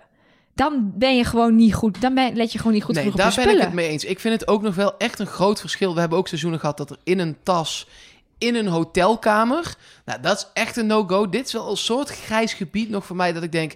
misschien als ik daar zelf zou zitten, zou ik het ook doen. Maar wat Ja. ik me eigenlijk vooral afvraag, wat ik veel interessanter vind... Ik weet het niet, ik vind het lastig. Heeft hij achteraf spijt? Ik denk namelijk wel dat uiteindelijk, als iemand er dan uitvliegt... Ja. dat je echt honderd keer tegen jezelf eh, in de spiegel moet zeggen... het is een spel en ik ben goed bezig in het spel nu. Want dit, dit is echt moeilijk over je hart te verkrijgen achteraf. In die actie is het impulsief. Kijk, maar hij heeft het natuurlijk ook nooit zo, zo bedacht. En Nee. hij heeft ook die ene ex- executie. Het is dus al voor de vorige executie gebeurd, die op dat dak. En toen had het geen effect, omdat Evelien waarschijnlijk toevallig die eh, kapotte joker niet heeft ingezet. Ze heeft er toen maar twee ingezet. Dus ja, hij dacht waarschijnlijk, oké, nou gaat, gaat tot nu toe gaat het prima. Ja, en dan ineens, eh, dan eh, krijg je dit. En dan vliegt ze er ook nog eens uit. Maar als je Of- echt kandidaat bent, dan gaat dit je nog ooit een keer backfiren. Ja. Omdat als jij een keer een joker hebt, ben je alleen maar panisch dat dingen in de gaten aan het houden. Want jij bent degene die het heeft gejat en dat gaat uitlekken. Ja. Dat gaat in die groep, want Sarah weet het, die heeft weer een bondje met die en dan gaat die weer naar die. Ja. Maar Uiteindelijk vond weet je iedereen andere, het. in andere seizoenen zijn er ook allerlei dingen gejat. Is dus inderdaad een keer uit een tas in een hotelkamer vragenlijst Ja, gestolen. dat vond ik en echt veel te ver. Dat in een te- hotelkamer, in een tas, er moet nog wel een soort van... Het is een spel, maar er moet een soort safe zone zijn. Ja. En ik vind dat dat de hotelkamer is. Ja, nee, ja, ik, eh, ik hou hier wel van. Van dit, van dit harde spel. En gewoon denken, nou, eh, jij hebt drie jokers. Verdorie, ik wil winnen en jij niet. En ik... eh, Mag ik, mag ik een complottheorie de wereld in helpen? Ja, Ik hou zeker. daarvan. Ik, ik ben... Ik twijfel altijd aan soms in kleine dingen de oprechtheid van de makers van dit programma. Jij zegt, Evelien heeft toevallig vorige keer de twee goede jokers ingezet en die fouten. Het kan natuurlijk ook gewoon zijn, ze heeft totaal drie jokers. Eentje is niet goed. Vorige keer ging ze er niet uit. Dit keer zou ze eruit gaan, met of zonder of die joker geldt. Ze heeft gewoon het meeste fout. Dan is het voor het effect van het spel heel fijn om deze joker als de niet geldige te verklaren. Ja, Zodat het extra pijnlijk wordt voor Niels en, een- en voor de kijkers spannend wordt, et cetera. Mag maar ik het dit heeft ook proberen heel te weinig ontkrachten? Maar- Want als je terug gaat kijken in de, ex, eh, in de executie, in het invullen van de test, zie je dat ze de joker neerlegt waar een klein stukje uit is. Oké, nee, Dus dan, eh, Vond dan ik, is het, ik dacht dat ik het zag. Dus, dan is het dan prima. Dan Maar is het tuurlijk, dat is maar anders natuurlijk- zouden ze dat, dat zouden ze gewoon doen. Dat denk ik- Hon- 100% Want het heeft ook eh, minder... Als zij twee jokers inzet en eentje telt niet... Nee. is het effect minder groot. Ja. Ja. En dat was al een executie met een twist.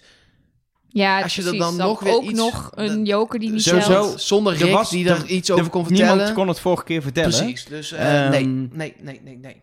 In ik, ieder eh, geval- ik vind overigens wel kudo's voor het acteertalent van Sarah. Want pas achteraf hebben wij dus gezien in dat extra filmpje... dat zij volledig in het complot zat. Dat ze zelfs Evelien in de bus heeft afgeleid... zodat Niels de joker kon omwisselen. En zij zit naast Evelien. En Evelien zegt half huilend... oh, wat een hard spel. En zij zegt ja, heel hard, heel hard. En ze begint haar te omhelzen. En terwijl ze dus gewoon weet... ja, ik heb hier ook eh, aan ik. meegeholpen. Dat was ik onder andere. En toen moest ze weg, mijn mol. Ja, waar, waar, waar ik dus wel benieuwd naar ben. ehm, ik heb het idee dat de, de makers inmiddels eh, eh, vrij goed weten wat het effect is van acties van mensen. En ook van hoe het uiteindelijk in de montage, hoe bepaalde verhaallijnen erin worden gebracht door mensen uit te lichten, et cetera. Of wie wie gaat verdenken.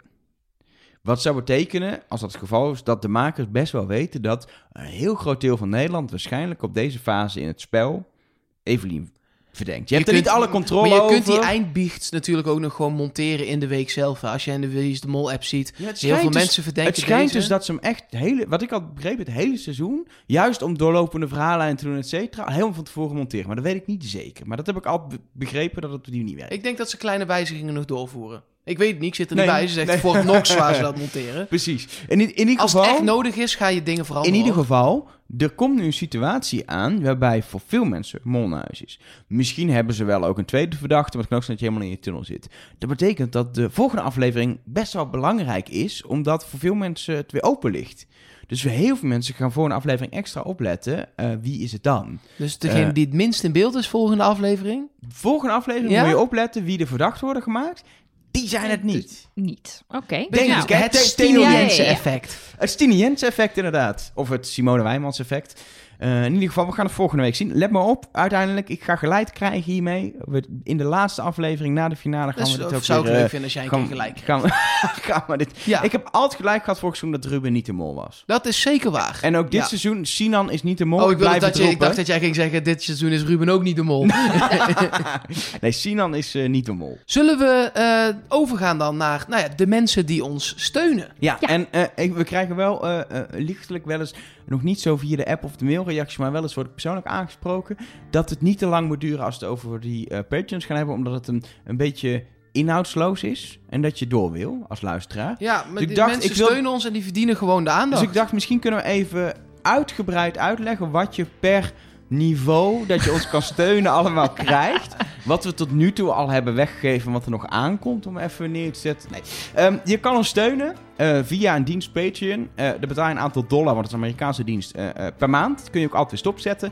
Ehm, en afhankelijk van hoeveel dollar het is, je kan 1, 3, 6 of 10 eh, kiezen, krijg je een pakket aan iets terug. Want je steunt ons, daar gaat het om. Gewoon een klein financieel steuntje in de rug, omdat wij kosten maken. Maar je kan daar bijvoorbeeld stickers of molboekjes voor terugkrijgen. Maar ook superleuk, gisteren weer 15 mensen een audio-appje mogen Nee, sturen. 34. Ja, ik heb er 15 of zo Oh. gedaan.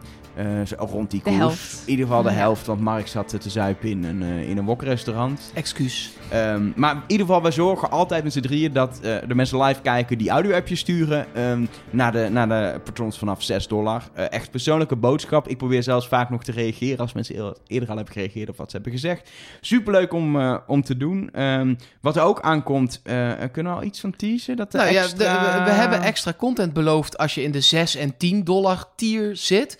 En nou, deze week komt de eerste extra content. Ja, En dat is echt heel leuk. we gaan lekker nog niet vertellen wat, maar... Maar we hebben wel een kleine tease. Het is met een oud deelnemer. Mhm. Een extra podcast met een auto. Het duurt niet zo lang als deze podcast. Nee, trouwens. nee, nee. Maar eh, eh, wil je dat nou hebben, dan kun je ons dus steunen. Eh, eh, eh, je mag ook lager dan 6 dollar steunen, maar dan krijg je niet die extra podcast. Nee. En dat doe je door te kijken op onze website.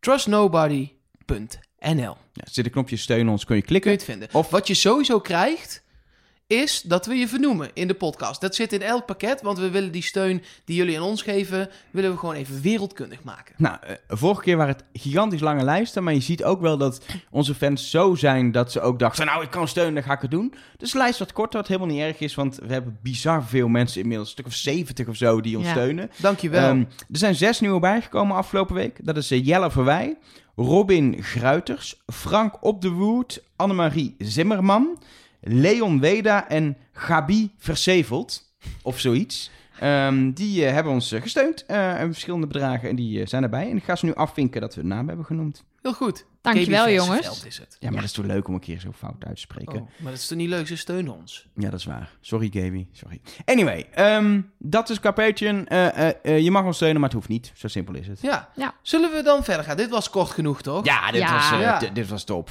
Ehm, want je- je krijgt in bepaalde van die tiers ook de hotline. Dat Mhm. is een speciaal telefoonnummer van een speciale telefoon die wij nou, hier hebben. En wat Die bewaak ik dus met mijn leven, hè? Ja, Voor het geval ja, ja. Niels langskomt en er een bijtel in wil zetten. Dan, eh, de simkaart wil openbreken. ja, Ik zie, we hebben letterlijk weer een vers appje. Ja, er staat blijkbaar op het AD een artikel over Nicky. Dat Ja. die b- eh, eh, zelf haar vertrek... eh, Marijn Joop of Marijn en Joop of Joop Marijn. Iemand die appt dat. dat, dat maar dat, dat hebben we in het dagboek kunnen lezen. Ik denk dat het AD het ook gewoon in het dagboek heeft. Maar je ziet zelfs tijdens de opname komen de appjes eh, eh, binnen. Ehm, kan dus ook in audio. En er zijn er een paar die ik even wil laten horen. We beginnen met eh, G.J. Kooijman. Die appte het volgende. Hey helder van Trust Nobody. Waarom komt deze groep er maar niet achter dat ze sommige opdrachten beter samen kunnen doen of het beter kunnen overleggen? En wat ik me afvraag, waarom reageert Niels dan af en toe zo ontzettend rustig of apathisch op schokkende mededelingen of verrassingen in het spel? Zou die dan toch de mol zijn? Twee vragen. Nou, de eerste is waarom de groep zo chaotisch is. Ehm, Omdat het allemaal chaoten in zitten. Ja, ik denk wel dat is inderdaad wat ik zei. Dat je kijkt naar de profielen van mensen en weet met de karakters dat dit de groep is. Je, hetzelfde als je, volgens mij als je mij in een groep zet, met zeker met nog een paar mensen met een, eh, met een grote mond, zeg maar, dan krijg je hetzelfde effect. Ik, Ja. dit, dit is wat ik ook ga doen in zo'n groep. Ik zeg ook. maar. Dus als je ons twee al in het spel samenzet, dan weet je ook dat dat gebeurt. Dan en dan gebeurt gaat dit niks aan ook. veranderen. Ja, En, en dus de dat tweede hoeft niet per se een, ehm, een rol te zijn van de mol. Die, die Je kan, in het deze aan, groep, je kan het eh, aanzwengelen natuurlijk. Eh, Wat ik zeg, dat manipuleren en zorgen dat ze elkaar nog minder vertrouwen of dat, weet je, et cetera. Dat kun je als mol wel eh, tussendoor, juist buiten de opdrachten, ook bewerkstelligen. Ehm, en de tweede vraag die stelt waarom Niels soms zo apathisch reageert. Ja, omdat hij net maar 100 euro heeft gehad voor een optreden. Denk je, nou, is, eh, Ja, maar hij is een beetje. eh, hij gaat altijd voor mijn gevoel twee kanten op. Dus bijvoorbeeld, dan wordt hij dus in zo'n opdracht met die eh, koffieweetjes. Wordt hij super boos omdat iemand het verkeerde antwoord intypt. Maar daarna vindt hij 100 euro weer genoeg. Ik denk dat is fanatiek en niet fanatiek. Maar, maar hij bedoelt natuurlijk ook apathisch op. ja, dit is heel vet, hier is een laseropdracht. En dat hij dan zegt, oh, oké. Ja, maar dat Ja. heb ik eerlijk gezegd zelf Nee, dat niet is mij zo dus ook nog niet opgevallen. Ja, hij Hmm. kan wel gewoon heel rustig zijn. Valt me op. Maar dat is ook al, denk ik, zijn karakter. Als je ook ziet, muzikant, singer, songwriter, vaak Ja. wel een type wat gewoon zich in zichzelf gekeerd liedjes kan schrijven. Hij is ijskoud. Ja, en ik denk juist, dat vind ik soms juist wel interessant om op te letten. Dat ehm, ehm, als je eh, een mol bent, eh, dan heb je vaak de neiging om misschien juist een beetje te overcompenseren bij schokkende dingen. Om dan maar niet te laten zien dat je voorkennis hebt. Wat ik nu bijvoorbeeld merkte, was toen ehm, eh, Rick zei tegen Evelien dat haar joker niet geldig was. Zat Nielson daar zo met zijn... Die sloeg echt zijn handen in. Terwijl ik dacht, dude, dit heb jij gedaan. Jij weet dit. Dus dat is zeg maar van die overcompensatie dat je net doet of je dan... Terwijl de rest zit waarschijnlijk gewoon zo... Huh? Gewoon echt gewoon die een hele... overcompensatie hebben we Niels al ook wel eerder bij executies zien doen. Volgens mij ook eh, op het dak reageerde hij ook heel heftig op groen. Heel, heel overdreven blij, kan ik me herinneren. Hmm. Wel iets om in de gaten. Ik verdenk hem nog steeds niet op een of andere manier. Maar iedereen verdenkt hem en er is ook wel reden toe. Maar elke keer doet hij ook dingen waardoor hij zo niet verdacht is. Nielson is niet de mol bij deze. Ik weet het zeker. Ik zou Goed. dit niet hard Ik, ik, eh, dat, dit ga durf ik niet aan. afschrijven, Ehm, nee. dan Ik wel. is er een, een persoonlijke mededeling voor eh, Nelke Poorthuis. Nelke, bekend van het woord eh, puzzel. Hey, Eh, puzzel! eh, er is een, eh, een berichtje voor je en het gaat over de vorige podcast. Van Oh eh. Lucie trouwens, Lucie Tepen. Ik, het is misschien een beetje laat, maar ik erger me er heel erg aan dat Nelleke in de laatste podcast Comuna Trente zegt. En het is dus wel Comuna Treze, want Trent is 30. Ja, ik schaam me diep. Jongens, ik spreek gewoon een klein woordje Spaans. Ik heb drie maanden lang in Mexico stage gelopen. En ik verbeter daar volgens mij ook nog eens Rick van de Westlaken. Ik heb daar commentaar Ja, op de uitspraak ja. van Rick van de Westlaken. En ik zeg gewoon eh Trente in plaats van Tresse. Dus ja, sorry. Neem even je moment om je excuus aan Rick van der Westerlaken aan te bieden hier. Lieve Rick, sorry. Oh, lieve Rick zelfs. Oh, ehm Rickos, lo siento. Zo, is dat beter? Ik heb geen idee wat je zei. Nee, ik ook niet. Is maar het- gracias. Gracias. hè? Misschien heb je hem wel heel vervelend Nee. bejegend nu. Nee, ik heb Met gezegd... jouw Spaanse kennis. Het eh, spijt me. Puta de madre. Dat is wel een scheldwoord. Sorry, oké, en door. En dan hebben we Jelle nog. Jelle Verwij. Bij de opdracht over de koffie eh, wordt Niels heel duidelijk verdacht gemaakt door zijn typfout in beeld te laten zien, terwijl Merel eigenlijk voor twee foute schermen zorgt en daar helemaal niks na naartoe geleid wordt. Dat klopt. Dat heeft hij goed gezien. Ja, dat was eigenlijk het enige moment waarin we heel, heel concreet zien wie het intypt. En het is ook nog een soort gevecht tussen Sinan en Niels, waarbij de een de ander wegduwt en, eh, en wie er op enter drukt. En bij de andere beelden, we zien ook Merel twee keer iets invullen en dan wordt het rood. Maar we zien niet wat ze daadwerkelijk heeft ingetypt. Of ze een spelfout heeft gemaakt, een Of het typfout. compleet of- het verkeerde antwoord van iemand heeft doorgekregen. Ja, en ja, wat is Tuurlijk, dat dan ja. de conclusie? Dus Precies. is zo duidelijk in beeld, dan kan die dus niet de mol zijn. Nee, tuurlijk. Ja, maar ja, nee. Alles kan tegenwoordig. alles kan naar Jan, alles kan naar Jan. Ja, dat Alles is een beetje irritante... Wil je ons ook kunnen audio-appen? Dat kan. Als je Patreon, be- Patreon bent vanaf 3 dollar krijg je het nummer van Ja. de hotline. Nou, we het hebben over uitspreken. Dan wil ik ook even zeggen: het is dus niet patron, maar het is patron. Mark? Ja? Nee, maar daar hadden we het vorige keer over. Dat Ja. het op de eerste klemtoon moest Ja, liggen. patron. Ja, maar ik kan dat gewoon niet. Oké. En ik heb Ja. geen Spaanse stage gehad ergens. Ja. En Ja, maar- ook geen Engelstalige Spa eh, Spaanse goed. dingen. Wat jij wel goed kan, is mailtjes, Nou, tweetjes, eh, eh, dus, tekstappjes, van alles Ik doorlezen. zeg het elke week, maar het wordt ook elke week meer. Die nieuwe eh, eh, toner die we hebben gekregen, die is alweer bijna leeg. Nee, zeg toch? maar. Nee, dat is een grapje. Maar we hebben wel... Het is wel echt heel dit veel. keer is wel het printpapier op, maar ik loop al even naar de Bruna. Daar komt Oké. goed. Ehm, nou, er is heel veel. Komt hij aan. Tibor, die zegt... Goeie naam wel, Tibor. Vind ik een mooie naam. Tibor, ja, dat is een mooie naam. Zeker weten. Ehm, die zegt... Ik vond het vreemd dat Nielsen niet wist dat één antwoord Cigarettes and Coffee van Otis Redding was. Het kan, maar vond het opvallend. Hij is namelijk natuurlijk ook artiest. Ehm, en dat dit nummer uiteindelijk gedraaid werd op de achtergrond als een soort eh, extra muziekje. Dat vond hij ook opvallend in plaats van de normale salsa eh, cumbia. Dat ken ik niet, zal een muziekstroming zijn. Ja, een eh, Zuid-Amerikaanse muziekstijl. Kijk, precies. Of andere Spaanstalige muziek. Zou het een hint naar Niels zijn? Nou, het valt me dus wel op, eh, dit seizoen überhaupt, dat er eh, best wel veel eh, muziek met zang in de montage wordt gebruikt. Relatief. Nog steeds heel veel filmmuziek. Maar ik zit natuurlijk die soundtracks door te worstelen als ik de podcast monteer om alle muziekjes onder te doen. En dan valt me soms op dat er ook bij bijvoorbeeld de salsa-opdracht werd ook gewoon in montages muziek met zang gebruikt. En dit is natuurlijk ergens gewoon heel logisch om dit te laten horen. Dat Niels het niet weet, is inderdaad wel opvallend. Nou, daar ben ik het dan weer niet mee eens. Je kent toch niet als artiest alle muziek uit je hoofd? En ik het vind is hem niet zijn het type- straatje. Nee, ik wou Nee. zeggen, het is geen andere Nederlandse singer-songwriter of iemand die, waarmee die heeft samengewerkt of zo. Ja, en ik, ik ken niet heel veel werk van Otis Redding, maar volgens mij is dit ook niet zijn bekendste nummer of zo. Nee, dat is Sitting on On the the Dock of a Bay. Ja. Ja. Die ken ik. En verder zou ik het ook niet weten. Nee, ik ben ook daarom. geen muzikant, maar... Dus sorry Tibor, ik, eh, ja, Nielsen is gewoon niet de mol. Door. Oké. Marijke, die stuurt Als hij ons... het is, hè. Als hij het is, Nelleke. Ja, Oh, maar joh, daarom joh, probeer ik er snel overheen te praten. Want we hebben vorig jaar Jan al heel snel afgeschreven. En jij niet. Jij, Nee, ik, wel. Ja, ik precies. Wel. Dus ik dacht, ik we gaan door. Marijke, die stuurt ons... Sinds deze week heb ik jullie podcast ontdekt. Super tof. Ik heb het ook meteen het vorige seizoen helemaal teruggeluisterd. Oh, wauw. Oh, zij zegt ook heel grappig hoe jullie Jan meteen afschreven. nou, dat eh, klopt. Eh, dan nu haar gedachte. Zou Robert niet zo'n keukenweegschaal hebben meegenomen? Die, eh, dat, dat gaat tot op de 0,01 gram nauwkeurig. Eh, en als hij dan twee, drie of meer jokers heeft... met die weegschaal kunnen achterhalen... in welke vrijstelling de jokers zit. Ja, dat, je Oh, ook, dat je ook mee gaat doen aan wie ze denkt... Ah, zal ik gewoon mijn weegschaal meenemen? ik denk, niet dat, ik denk niet dat hij hem mee heeft. Nee, je kon ook zien niet. dat hij net deed alsof hij die taart voor Jamie had gebakken. Want die kwam gewoon uit een doos. En je gaat niet een taart bakken op de plek waar je zit en hem dan in een doos stoppen. Dus eh, nee, ik denk niet dat hij een keukenweegschaal Sterker mee nog. Het, Nielsen heeft volgens mij zelfs de gitaar niet meegenomen. We hebben nog niet een avondmomentje gehad dat Niels op een gegeven moment zegt... Kom jongens, ik ga liedjes zingen met Wat ik allen." trouwens wel hilarisch vond, was dat Jamie zich afvroeg of de groep wel wist dat hij jarig was. De groep weet hoe zijn eerste huisdier heet en wat zijn schoenmaat is. Natuurlijk weet je wanneer iedereen jarig is, toch? Kom op. Ja. En waarschijnlijk misschien heeft de productie het er nog acht keer gezegd. En hebben ze het ook joh. tussendoor al drie keer in de bus gesproken. dat, he- dat, hele, dat hele cadeau is toch geproduceerd? Ze zijn toch niet zelf naar de Toys R Nee. Us gegaan? Oh, nu denken die mensen dat we allemaal sponsors de hele tijd... Jij met je Bruna... en ik- Nee, we worden niet gesponsord, jongens. Nou, ik wel. Eh, spa, fruit, super... Nee, dat vind ik echt smerig trouwens.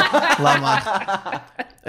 Sumit van Lente, die eh, stuurt... eh, nou, die vindt de podcast ook fantastisch. Dankjewel voor het compliment. Dat is altijd fijn. Eh, ze zegt, ik ga... Of hij, weet ik eigenlijk niet. Hij? Ja. Ja. Eh, ik ga zelfs de zachte G overnemen. Zo prettig vind ik het om naar te luisteren. Nou, dat zou ik niet doen. nee. Dat is... Nee, dan word je de rest van Nederland gewoon belachelijk omgemaakt altijd. Dus dat zou ik niet doen. Terug naar de kern, zegt hij. Dat lijkt me een goed idee. Hij is nu, en ook de komende vijf weken, in Colombia. Dus als we iets willen factchecken, dan kunnen we het laten weten. Sterker nog, eh, dit is het eerste mailtje. Ik zag net nog een mailtje binnenkomen. Hij heeft inmiddels de muur ook gefotografeerd. Hij is even Staan bij er nog steeds eentjes ja, op de en de lucky maar one? nog steeds hetzelfde ook. Maar hij heeft En daar heb ik zo meteen bij het aluhoedje. Heb ik daar iets Oh, over? dat wordt een hele lange aluhoedjes eh, sessie. Ik ga er dat. als een gek doorheen straks. Komt Heel goed. Ehm, Elma, die stuurt ons wel echt een hele interessante foto. Ik zal hem ook even aan jullie laten zien. Het zijn twee eigenlijk dezelfde shots, alleen ze zitten twee minuten na elkaar in het programma. Mhm. Deze is eerst. En dan zie je hier bij mijn duim, bij de Jenga-toren, het gaat op de Jenga-opdracht, Oh ja. drie tweeën staan. Twee minuten later in de uitzending zijn die tweeën weg. Huh? Hmm. Dit is terwijl eh, iedereen staat te kijken hoe Merel en Evelien... Zij zijn nog als enige Ja. twee over. En, En het zijn een- twee shots van alleen Merel. Met op de achtergrond, eh, nou, Robert is aan het kijken, Sinan is aan het kijken. Er staat nog een halve toren van hun. Uh-huh. En daarachter staan een aantal blokjes precies gelijk opgesteld. Hmm. Ehm, en eh, daar wordt dan nog over gezegd: dit moet toch een aanwijzing zijn. Ik hoor hier niemand over. Uitroepteken, uitroepteken, uitroepteken. Mijn gedachte is, zegt, ik ben de naam even vergeten, Elma. Elma. Eh, volgens mij staat dit op de tafel van Robert en Sinan. 3 keer 2 is 6. Sinan is de zesde kandidaat die zijn scherm te zien krijgt. Oh, wacht. Oh, nog even. Drie keer twee is zes, want er staan er drie. Drie tweeën. Drie, Tweeën. Oké. blokjes. Ja. En hij is de zesde... Ja, ja. Oké, ja. Ja, nee, je mag ervan vinden wat je wil, maar dat is wat zij Ik vind het wel stuurt. opvallend. En er zijn, er zijn eigenlijk maar twee opties. Dat is, dit is wel een hint, echt, oprecht. Of, weet je wat grappig is? Zegt dan eh, Rick McCallaghan. Die zegt dan, eh, weet je wat grappig is? We are going to haar weghalen. Dat is leuk, dan gaan kijkers iets zoeken. Die kun ik ook gewoon, eh, je weet dat mensen dat opvalt. Dat zijn de opties eigenlijk. Het is niet, dit is niet per ongeluk weggehaald. Dat is geen optie. Dit is bewust weggehaald. De vraag is of het een hint is. En, Ja, als en het door dan... wie? Want het is wel waar alle kandidaten staan te kijken. Misschien zitten die gewoon... eh, productie loopt daar gewoon achterlangs. ja, maar misschien toch? hebben die wel... Nou ja, Maar wat Ik- als, als het inderdaad een hint is, dan is de vraag inderdaad, is het dan drie keer twee en is dat zes? En wat betekent die zes? Ik vind de link leggen naar de zesde afvaller eh, of de zesde scherm, zeg maar, vind ik dan... Die is ingewikkeld. Dan Die- zou ik eerder zeggen, wie is er op 22 februari geboren? Bijvoorbeeld, zoiets. 222. Ja, Ja. maar goed. Ja, dat lijkt me ook eerder. Ja, nou dat. Wie, wie maakt de muziek in, in, in, in tweekwartsmaten? Ja, nou wordt, maakt het wel heel moeilijk. Het is heel opvallend. Omdat het in één spelletje gebeurt, moet er Ja. ook iemand van de productie die dingen hebben weggehaald. Daarom. Ja. Dat Goed. moet ook opgevallen We zijn. moeten, we moeten cijfers in de gaten gaan houden, tweeën zeker. Dan de laatste. Die is ook wel interessant. Mark Reed, die heeft ons via Twitter eh, eh, wat gestuurd. Ehm, die is namelijk nadat, eh, nadat eh, eh, de, de leaders puzzelstukjes, dat worden er steeds meer. Daar heeft hij een Excel-sheet voor gemaakt. Waarin je precies kunt zien. Ik kan er ook wel even een foto van beide voetnoten dingen en Ja, zo dat zetten. eh, staat ook in de show notes op Precies. trustnobody.nl. Eh, kun je precies zien welk shot er nu puzzelvlotten zijn geworden. Daar waar eerst, eh, nou ja, hele andere dingen te zien waren. Zo was er in aflevering 1 was het derde shot een brug. Dat werd in aflevering 2 een vlot. Eh, nou, en dat geldt eh, in aflevering 3 voor het shot met eh, de band. Die is weg. En nu is de tuk-tuk ook uit de eh, leader verdwenen. Ja, en ik had nog een soort van theorietje dat ik eerst dacht... alleen de opdrachten die geweest zijn verdwijnen. Want in eerste instantie was het dus het salsa dansen en de brug. Maar die tuk-tuks, die hebben we nog niet gezien. Nee, Dus dat is niet per se wat er gebeurt. Ik dacht, ze, je ziet bijvoorbeeld ook eh, de shots met de eh, executie op het dak. Die zijn er weer in blijven zitten. Daarvan had ik nu dus verwacht dat, Dat- die eruit zouden Ja, gaan. En precies. dus dat is niet helemaal waar gebleven. Tot zover eh, een selectie, nogmaals. Want de, de, de bakken met mail komt er binnen, waarvoor dank. Ja, blijf vooral en eh, appjes dingen en sturen. dingen en totale paniek. Ja, blijf dingen sturen. We proberen ook altijd. En dat kost ons, dat wil je niet weten, echt soms een dagtaak. Zeker eh, eh, zaterdag en zondag zijn we alleen nog maar met die podcast mee bezig om te reageren. Dat doen we echt ons best. Het kan best zijn dat je pas vijf dagen later een keer zeker op de mail iets terugkrijgt omdat het zo druk is. Maar ook social media. We proberen ook altijd even te reageren. En ook, heel eerlijk, als wij denken, dit is niks, ontkrachten we soms ook gewoon je theorie. Of er zijn ook mensen die mailen, hey, ik heb de aflevering nog niet gezien, maar eh, ik denk dat Evelien eh, dit en dat. Ja, dan krijgen we meer terug, ga even de aflevering kijken. Ja, zo simpel is het ook. hè? Ja, zeker. In ieder geval, je kan mailen via. Eh mol at trustnobody.nl En op social media, dus eh, Twitter, Instagram, Facebook, daar heten we. At trustnobodycast met een C. En je kan echt op al die kanalen kun je gewoon berichtjes Je, sturen. wij zitten, overal zitten we gewoon bovenop en we proberen inderdaad overal op te reageren. Ja, je kan ook altijd, minder leuk, want, want het is niet bij ons direct, maar je kan ook naar fora. Want er zijn heel veel van die geheime fora waar je ook gewoon eh, dingen achter kan Daar laten. hebben wij gewoon ons eigen aluhoedje voor, die dat ook nog leuk vindt. Ook ik word er helemaal krankjorum van als ik dat allemaal lees. In de mail op een gegeven moment vroeg ook iemand wat, wat we nou steeds zeggen over Nelleke en een aluhoedje. Wat dat is. Ja, Oh, zal ik het even uitleggen? Ja. Het is een hoedje van aluminium. Aluminium. Oh shit. daarom is het een aluhoedje. Daarom heet het omdat dus een je- aluhoedje, omdat het woord aluminium heel erg naar is.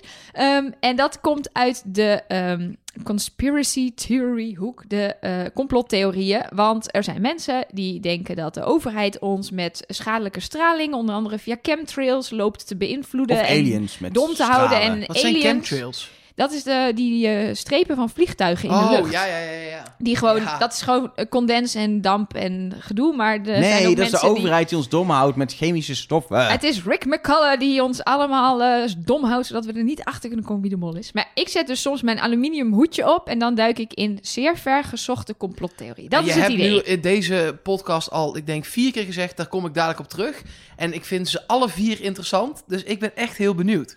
Ja, ik ga een beetje wat dingen ontkrachten. Want ehm, in Alihoedjesland, daar circuleert dus van alles rond. En dat vind ik altijd ontzettend leuk om te lezen en daar helemaal in te duiken. Maar ik vind het leukste ervan eigenlijk om het dan verder uit te pluizen. En er dan dus achter te komen dat het niks is. Ehm, want- Zijn er ook nog dingen die wel hout snijden? Gewoon voor Nou, mij om een beetje ja, aan het hout, eind weet je nog? weten? Hout was een thema. Nee. ja hoor, eh, komt helemaal goed. Maar ten eerste, eh, die eh, meteoriet. Die rots, die hebben we al in de eh, leader helemaal aan het begin gezien. En toen viel de mensen al op dat daar GI of 61 op staat. Ehm, en eigenlijk de Oh ja, meest voor de hand... daar hebben we het toen al over gehad. Precies. En de meest voor de hand liggende theorie is dat eh, eh, 1961 het geboortejaar van Robert is. Toen zeiden wij volgens mij hier al, ja weet je, het lijkt wel alsof dat er al wel op stond op die rots, op die meteoriet. Dus respect voor de makers als ze dat hebben gedaan. Nou, dat klopt dus ook. Ehm, dat stond er al op. Het is geen 61, het is geen GI, maar het is het begin van ehm, GU. Want, eh, en dit hebben wij eh, eh, opgestuurd gekregen door Jasper Klootwijk. Dus dit, alle credits aan hem. Want er was namelijk ruzie over die meteoriet. ehm, door twee verschillende dorpen. En een van die dorpen, die heet Dus G-U-A. En die dachten, dat ding is van ons. En die wilden dus hun naam erop schilderen. Om te laten zien, hij is van ons. Maar daar werd dus een stokje voor gestoken. Dus verder dan de G en het ene streepje van de U kwamen ze niet. Moet je je voorstellen dat je dat dus doet in weet ik veel wanneer dat was. Lang, 1634. lang, lang geleden. Waarschijnlijk En- 1961. Dat, want je kan ook 61 in lezen. Nou, weet ik niet, maar in ieder geval lang geleden. En dat er dan een groepje Nederlanders een spelletje gaat spelen. Waardoor er dan weer duizenden Nederlanders gaan lopen puzzelen.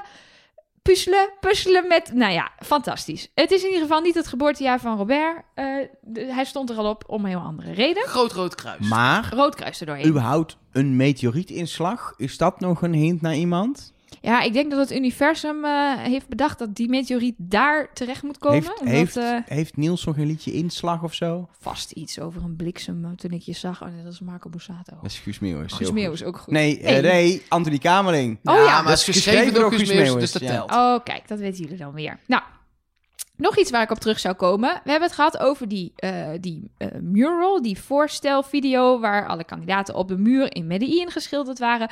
En toen eh, deelde Frank van Lende op Twitter een foto dat hij daar was. En toen viel ons opeens op dat op de truien van Evelien en Merel... een soort eentje-embleem op hun borst staat. En dat bij Rick Paul Lucky One op de mouw staat. Nou, Evelien is eruit, dus dat is zeker al niet het trio wat de finale haalt. Maar ik ben er ook achter gekomen wat het namelijk is. Het logo eh, van, eh, met dat ruitje en dat eentje is het logo van het parfummerk Lucky One.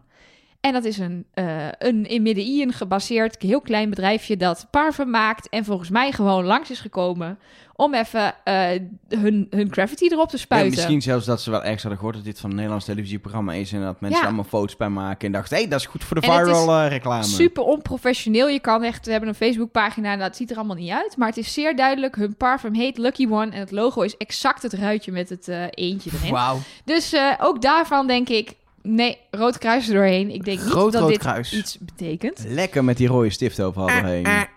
Ehm, nou werd ons ook nog eh, door Kiki, die dus wel vaker ons op Twitter hele goede tips stuurt, ehm, weer een hele goede tip, of in ieder geval een tip gestuurd, waarvan ik ook meteen denk, nou, ik weet het niet. Waar zij heeft namelijk, ehm, of iemand anders, heeft gekeken naar de codes van de kooien in opdracht 1. Dat zijn natuurlijk best wel leuke dingen om mee te gaan pussen, puzzelen. God, ik word helemaal gek hiervan. Zeg gewoon, maakt niks uit. Ah, de, leuke dingen om, om, om mee Met te gaan klooien. klooien. Want eh, ja, betekenen die cijfers nog wat?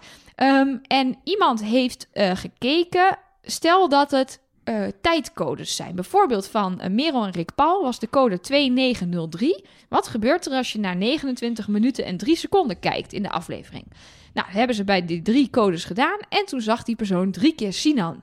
Nou, Maar de één code was toch 8-4 zoveel? Precies. Dat, wat er dan dus gebeurt, is dat er dan dus met die codes wordt gehusseld. Dus de code van Evelien en Niels was 8482. En toen is hij gaan kijken bij 28 minuut 48. Nee, ja, nee, zo nee, nee, kan nee, ik nee. het ook. Ja, Ja, Maar dit gebeurt zoveel. Dat Ja. mensen zeggen, ja, dat kan, dan moet, dan doe je gewoon even andersom. of zo. dan doe je het bij de, bij de een zo, en bij de ander doe je het andersom, bij de ander doe je het weer door elkaar. En als dan kom dit je wel allemaal in binnen de 60 had gevallen, had ik dat een hele interessante theorie Precies. gevonden. En nu niet. Ik dacht ook meteen, hoe, even opletten. En toen keek ik in mijn eigen boekje naar die codes. En toen dacht ik, nee, 84 minuten 82, eh, dat gaat hem niet worden. Nee, dat- en, en het is ook niet zo, dat zat ik me nog te bedenken to- nu, toen jij het zei, dat het dan 60 is.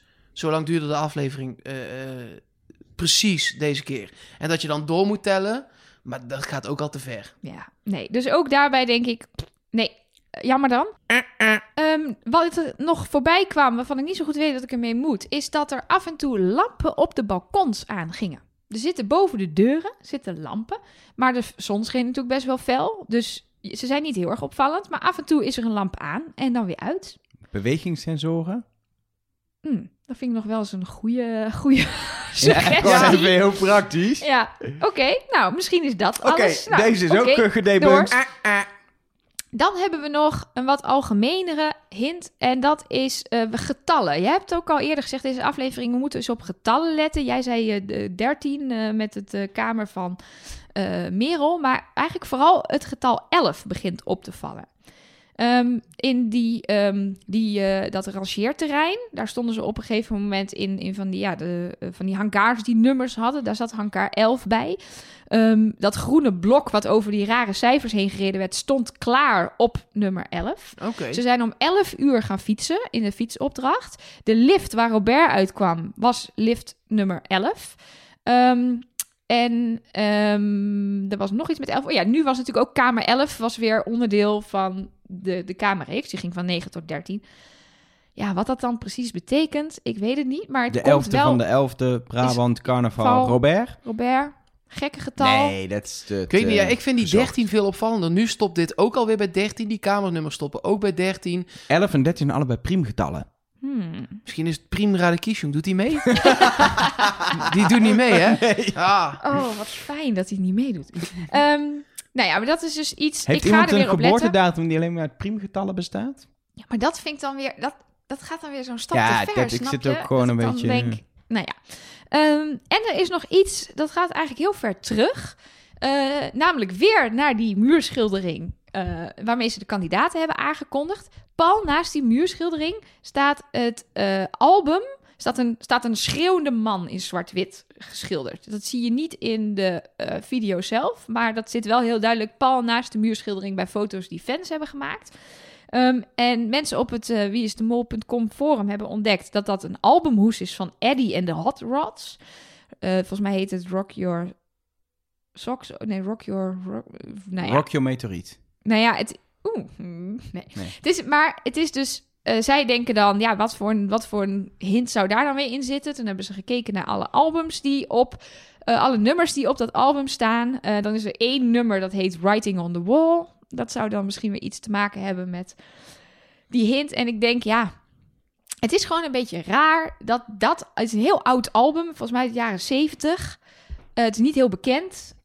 Waarom staat dat daar? Waarom staat dat daar pal naast? Ik weet het niet. Maar omdat het ook niet daadwerkelijk in een aflevering zit, twijfel ik ook weer over of we daar nou iets uit kunnen halen.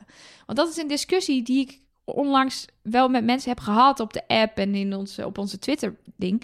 Volgens mij zitten er vrijwel nooit aanwijzingen buiten het programma. Dus dat je zeg maar. Jawel, ja, buiten, eh, wel buiten het programma, maar dan is het in extra content. In het dagboek van de mol. Nee, ja, in, eh, precies. Maar niet zeg maar. eh, Mark heeft bijvoorbeeld op ons Twitter-account er eentje ontkracht over de, de credits van een nummer van Nielsen. Wat je dan op Spotify zou kunnen zien. Ja, dat daar dan een hint in wordt Ja, gestopt door de er makers van dit Nee. programma. En toen stuurde iemand terug dat ze bijvoorbeeld wel eens op de Instagram van Jan Versteeg in ten tijde van de mol, dat hij dan het logo van McDonald's liet zien. Want dat zou, dat, ja, dan denk ik, ja, dat is gewoon Jan die zit te klooien. Dat snap ik. Die vindt dat leuk. Maar het is niet door de makers bewust, wordt er volgens mij nooit heel ver buiten het programma Nee. in een boek of een liedje of zo iets Dat gestopt. ook niet, nee. En aangezien dus deze afbeelding niet in het programma zit, maar alleen maar gevonden is door mensen die eh, grotere foto's hebben gemaakt van die muur, denk ik, ik weet het niet. Ik, eh, was het dit? Of Dit, niet? eh, Want ik wil ja. toch nog heel even Ja, terugkomen op een theorie die we eigenlijk in de vorige podcast hebben afgeschoten. mhm. En dat is jouw volgorde-theorie. mhm. Omdat op papier Evelien wel degelijk de volgende zou moeten zijn in mijn hoofd, had ik me onthouden. En ik Mhm. wil even bij je wilde checken of dat zo was. Want Nicky is de soort van op een rare manier eruit gegaan. Of, eh, eh, want Evelien was dan de eerstvolgende. Ik ga nu... Ik, oh, dit Ja, blader het even terug. Want het is Eh, natuurlijk helemaal in aflevering 1 al dat jij dat, dat, dat, jij dat bedacht. Ja, het was eh Evie als laatste, daarvoor Evelien, daarvoor Robert, Jamie, Sarah, Sinan, Merel, Nicky, Rick Paul Nielsen. Maar Nicky is de derde? Of Ja, dan dat de is dan wel gek. Ik dacht, als die nou de als laatste was, zeg Ja, maar. dat je zo van voor soort- naar achter huppelt en dan naar het midden. Ja, precies. Dat is, maar dat is niet. Oké, Nee. ik wilde het heel even ja, gedubbelcheckt heel hebben. goed. Heel goed. Sorry. Nee, ja, het is prima dat we het even driedubbel checken. Maar ik vrees dat dit gewoon nooit een hint is Nee. geweest en het nooit zal zijn. Nee, laten we- Definitief afgeschreven. En dan, datgene waar mensen al bijna anderhalf uur naar uitkijken. Of eigenlijk gewoon anderhalf uur. De grote vraag. Wie is de mol? Ik zat er net naast vorige week. Jij zat er daarnaast? Net. Een tandje. Want vorige week dacht jij eh, Evelien, Onder andere. Ja. onder andere. Maar ik ben niet zoals jou. Ik ga dan niet heel volg dan. ook. Ik kies gewoon een naam en dan sta ik dan achter. Oké, ik, zal- ik ga deze ook een naam kiezen. Oh, dat, dat, dat wil ik horen. Nee, dat doen we zo. Dan mag jij eerst. Ik heb er nog twee. Eh Nielson. Niels. En Merel. Maar ik zeg voor de naam Niels. En waarom Niels?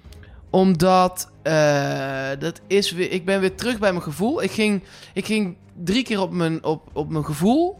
Eén keer rationeel en ik ben al mijn punten kwijt. Dus ik ga terug naar mijn gevoel.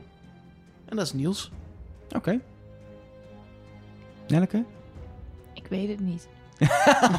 nou ja, weet je, ik zit dus ook te twijfelen tussen ratio en, en gevoel. Waar ik nog steeds mee zit, is dat ik bij de voorstelvideo van Sarah meteen een raar gevoel had. En dat ik dacht, die, is niet, die, die, die voorstelvideo voelde gespeeld Niet of oprecht. gemaakt. Of niet oprecht, of heel erg bedacht wat ze daar wi- wilde zeggen. En daarna heb ik er heel vaak eh, eh, dom en warrig zien doen. Terwijl ik denk, volgens mij ben jij slimmer en scherper dan dat. Maar als ik gewoon puur kijk naar wat ze doet, zie ik niet heel veel hele grote molacties. Maar ja, het is ook nog maar aflevering 4. Misschien zie ik die dus ook niet. En zit ze gewoon lekker eh, op de achtergrond eh, de boel eh, aan te sturen. Ze heeft bijvoorbeeld dingen gezegd dat ze dus, waar jij net over had, dat ze heel veel mensenkennis heeft. Dat ze mensen kan manipuleren, kan sturen. Dat ze weet hoe ze met mensen om moet gaan. Dat laat ze niet echt zien nu aan de voorkant, maar misschien aan de achterkant. Dus dat is iets wat ik heel erg in mijn hoofd probeer te houden. Van laat dat gevoel niet gaan. Die Maar ga je ook echt voor haar dan? Nee, ik denk... ja, sorry. Oké. Ehm, ik... verde- Vor, eh, vorige week verdacht ik Rick Paul. Die verdenk ik nog steeds. Die Ja, wat ook- leg nog één keer jouw theorie eh, hoe je het doet dit jaar uit. Ja, Want dat is ik, wel eh, goed. ja, ik zit dus nu inderdaad weer naar mijn afstreepoverzicht te kijken. En vorige aflevering kon ik heel veel mensen rigoureus afstrepen. Dat is niet afstrepen voor altijd, maar wel afstrepen voor die aflevering. En dan als ik er straks zeg maar bij aflevering 7 iemand zes keer heb afgestreept, dan weet ik het wel zo ongeveer. En Sarah heb ik dus drie keer afgestreept. Ik heb Niels ook drie keer afgestreept. Ehm, ik had eh, Sinan nog niet afgestreept. Eh, deze, die heb ik dan deze aflevering dan maar afgestreept. Omdat ik toch iemand moest afstrepen deze rottige Nou, dat is geen aflevering. goede Ah, ik heb Nicky en Evelien afgestreept. Oké, heel goed. Wat knap. Nou ja, dus daarom denk ik, als ik dat overzicht erbij pak, ga ik niet voor Sarah. En dan kom ik dus bij, eh, bij Rick Paul uit. Ehm, maar ik vond ehm, dan als laatste... Je doet er bijna net zo lang over als Elge Ja, ik ben, ik, gesproken. ik ben nu de Elger van, eh, van deze ding. Ja, en als laatste wil ik dan nog zeggen dat, dat Jamie wel een erg sturende rol had. Maar wie is het nou nu? Is het dan Rick, Rick Paul? Nog steeds Rick Paul. Oké. Ja. Elger. Weet je, Merel is de mol, maar toch streep ik er weg. Gewoon, ik ga gewoon hard. Niels zou best kunnen. Streep ik gewoon weg. Zinan blijf ik gewoon wegstrepen, ook al doet die hele rare Maar waarom dingen. streep je ze weg dan? Omdat... eh op gevoel of op Niels, daden? Niels, de jokeractie is... En hij trekt te veel aandacht naar zich toe. Sinan trekt ook te veel aandacht naar zich toe. Ik geloof het niet dat ze het kunnen zijn. Merel trekt niet per se de aandacht naar zich toe in het spel, maar wel in de rare dingen die ze maar blijft doen. Ik vind het nog steeds heel verdacht dat ze met Rick Paul in die boot zat. Ehm, ik vind Rick Paul ook... Ik vind heel veel mensen op dit moment verdacht. Maar zeker na deze aflevering... Vorige keer heb ik hem een beetje afgestreept door die puzzelopdracht met die buizen. Maar ga ik toch gewoon weer terug naar Robert. Ik blijf gewoon lekker in die tunnel zitten. En ik zeg het gewoon ook hardop. Robert van Beckhoven is de mol. Punt. Gewoon hard, gewoon geen twijfel. Bij dat deze. wilde jij. Robert van Beckhoven is de mol. Nou, bij deze. Tot volgende week. Ja, nou dat was gaan het. we nooit meer meemaken, denk ik. nee. Zo'n duidelijk antwoord van Elger van der Ven. Jawel, dit is, dit, eh, voor de podcast is het ooit eerder gebeurd. Toen zei ik namelijk, Jochem van Gelder is de mol. Maar dat, toen maakten we nog geen podcast. Nee, toen had je het ook niet goed. Nee, ja, daar kunnen we nog over discussiëren. Ik denk dat er een schaduwmol was, dat seizoen, Jochem van Gelder. Nou ja, je hebt het één keer vanaf aflevering 1 Ja. goed gehad. Suzanne Visser is de mol, zei Elger na aflevering 1. Ja, dat klopt. Dat was mijn wie valt er niet op theorie. Ja. Anyway, En toen kwam Jan Versteeg. precies. Ehm, volgens mij is het een mooi moment om deze aflevering eh, van, eh van Trust Nobody af te ronden. Er zijn een paar huishoudelijke mededelingen. Als eerste, we hebben het al eerder gezegd. Komende week komt er een extra aflevering van Trust Nobody met een oud molkandidaat. Ik vind dat we daar wel een soort... eh, dat is namelijk voor... Oh, ik ga het weer verkeerd uitspreken. Patrons. Patrons. Voor de eh 6 en de 10 dollar tier. Dat hebben we nou eenmaal zo bedacht. Dus daar houden we onszelf ook aan. Ehm, laten we daar een soort eh, eh, ultimatum voor stellen... dat als je op welk moment je dat bent, dat je het dan krijgt. Ja, dat- volgens mij kun je daar ook gewoon bij. Zodra je die tier bent, kun je dat luisteren. Dus ook als je pas volgende week denkt, ik word, word dat... dan kun je met teruggaande kracht nog steeds luisteren. Oh, Belangrijk, systeempje. belangrijk daarbij is dat je die dus niet in je podcast-app via de RSS-feed krijgt. Volgens mij zijn er wel manieren om een, om een Nee, je krijgt hem in je mail. Ja, maar Ja. er zijn wel technisch heel ingewikkelde mogelijkheden om het dan in je... Maar dat gaan we niet doen. Je krijgt gewoon een berichtje van ons dat hij er is, dan kun je hem luisteren. Het is ook niet zo lang als dit. Het is gewoon een half uurtje kun je dan prima even vanuit de mail luisteren. Houd het dus wel in de gaten. Ik denk woensdag, donderdag. Laten we woensdag zeggen. Zullen we woensdag gewoon zeggen? Ja, jij moet monteren, ik hoef Ja, niks meer te woensdag komt hij online, woensdagavond. De extra aflevering van No Trust Nobody. Ik denk dat het heel leuk wordt, dus eh, eh, we gaan het We meemaken. hebben het al opgenomen, dus het wordt heel leuk. Nee, ja, dat is chronologisch raar. Dat we het al hebben opgenomen en dat het dan nu... Waarom? Wat maakt er nou uit? Ja, dat is waar. Anyway, ehm, wat ook heel erg leuk is, is dat ehm, wij met z'n drieën binnenkort in het echt te aanschouwen zijn. Op donderdag 7 februari. 7 februari. In Dat het is- huis in Utrecht, dat is een donderdagavond. Een donderdagavond over, niet komende donderdag, maar donderdag daarna. We gaan dan, ja, dit is een ding, een Patch, Patch Kucha presentatie geven. Dat betekent dat je eh, een presentatie geeft eh, van eh 20 keer 20 seconden. Het zijn steeds slides, plaatjes of zo, die je op zo'n beamer laat zien. En dan heb je 20 seconden om daar iets bij te vertellen en hij springt automatisch door. en je moet dus je verhaal erop aanpassen. Dat is sowieso schijnt het al moeilijk te zijn. Het schijnt nog lastiger te zijn om dat met drie man te doen. Dus het wordt nu al top. Wil je ons finaal zien afgaan, dan moet je komen kijken. Je kan gewoon volgens mij eh, kaarten kopen als je, als je gaat naar Petjakucha Utrecht. Utrecht. Ja, .nl, gewoon zoiets. even googlen en dan vind je het wel. Volgens mij is het je 750. Eh. je schrijft het P-E-C-H-A K-U-C-H-A. Ja. Petja Kucha. Maar we zetten een linkje in de show notes. Klopt. Zodat je dan, als je het echt niet weet, dan in, op trustnobody.nl in de show notes kun je doorklikken. Kun je, je moet dus wel echt een kaartje kopen. Het is niet heel duur, maar je moet er wel eh, bij zijn. 750 volgens mij. 7,50. ehm, en dan kun je er dus, eh, kun je dus bij zijn. Kun je zien hoe wij daar vertellen We zijn over niet de het enige die avond. Nee, nee, er zijn nee. allerlei Nee. eh, instanties en eh, dingen. Sterker nog, jij bent er als een soort mol. Want het is, er zijn makers die dingen, mensen uit Utrecht die dingen maken. En Nou, jij, ik, ma- mag ik überhaupt wel mee? ja, je mag ja, mee. tuurlijk. Want je komt iedere week naar Utrecht om dit te maken. Dus dan. Dat is wel waar. Dus, eh, dus dat is leuk. Ehm, volgende week, laatste huishoudelijke mededeling, zijn we er natuurlijk gewoon weer met een podcast. Alleen heel belangrijk, je kan ons zondag helemaal kapot stalken waar de podcast blijft. Dit komt niet. Het komt niet. Ja, later. De podcast komt maandagavond laat slash maandagnacht pas online. We doen echt ons best, maar eh, we kunnen helaas niet opnemen op zondag, wat we heel vaak proberen te doen. We nemen op op maandag, dus hij komt een dag later dan je gewend bent. Dat gaat toch niet veranderen, hoe lief je het ook wil, hoeveel Dan zou het zelf ook namelijk- willen, maar het kan niet. Dan moet het namelijk zonder mij en dat kan niet. Nee, Nee. dus het is, het is op eh, maandagavond eenmalig. eh, iets later dan je gewend bent, weet dat alvast. Word patron, dan kun je met onze midweekse eh, extra content gewoon nog dat gat opvullen. Nou, dat vind ik een goeie. Voor nu eh, hebben we alle huishoudelijke mededelingen gehad. Hebben jullie nog iets te melden? Feyenoord heeft zojuist met 6-2 van Ajax gewonnen. En ik als PSV'er Really? ben daar heel blij. Ik ga Really? nu Studio Sport kijken. 12 keer. Ehm, eh, eh, wil je nog even roepen dat mensen vijf sterren moeten achterlaten? Vijf sterren. Top. Hey, ehm, eh, en blijf mailen, hè. mol@trustnobody.nl of op de social media. Duimpjes. Trust Nobody Cast. En hartjes. Wat roep je nog? uit- Wat ben je aan het doen? Ik Heb je Jij haast? zei toch, we zijn klaar? Ja, we zijn klaar. Ik dacht, ik begin vast af te bouwen. Ja, plug ook even je microfoon anders uit, dan eh, kun je helemaal naar huis. En hartjes. Oh, wat een rust is dit. Heerlijk. Duimpjes. En Nelleke, zeg jij nog even wat je moet zeggen? Trust nobody.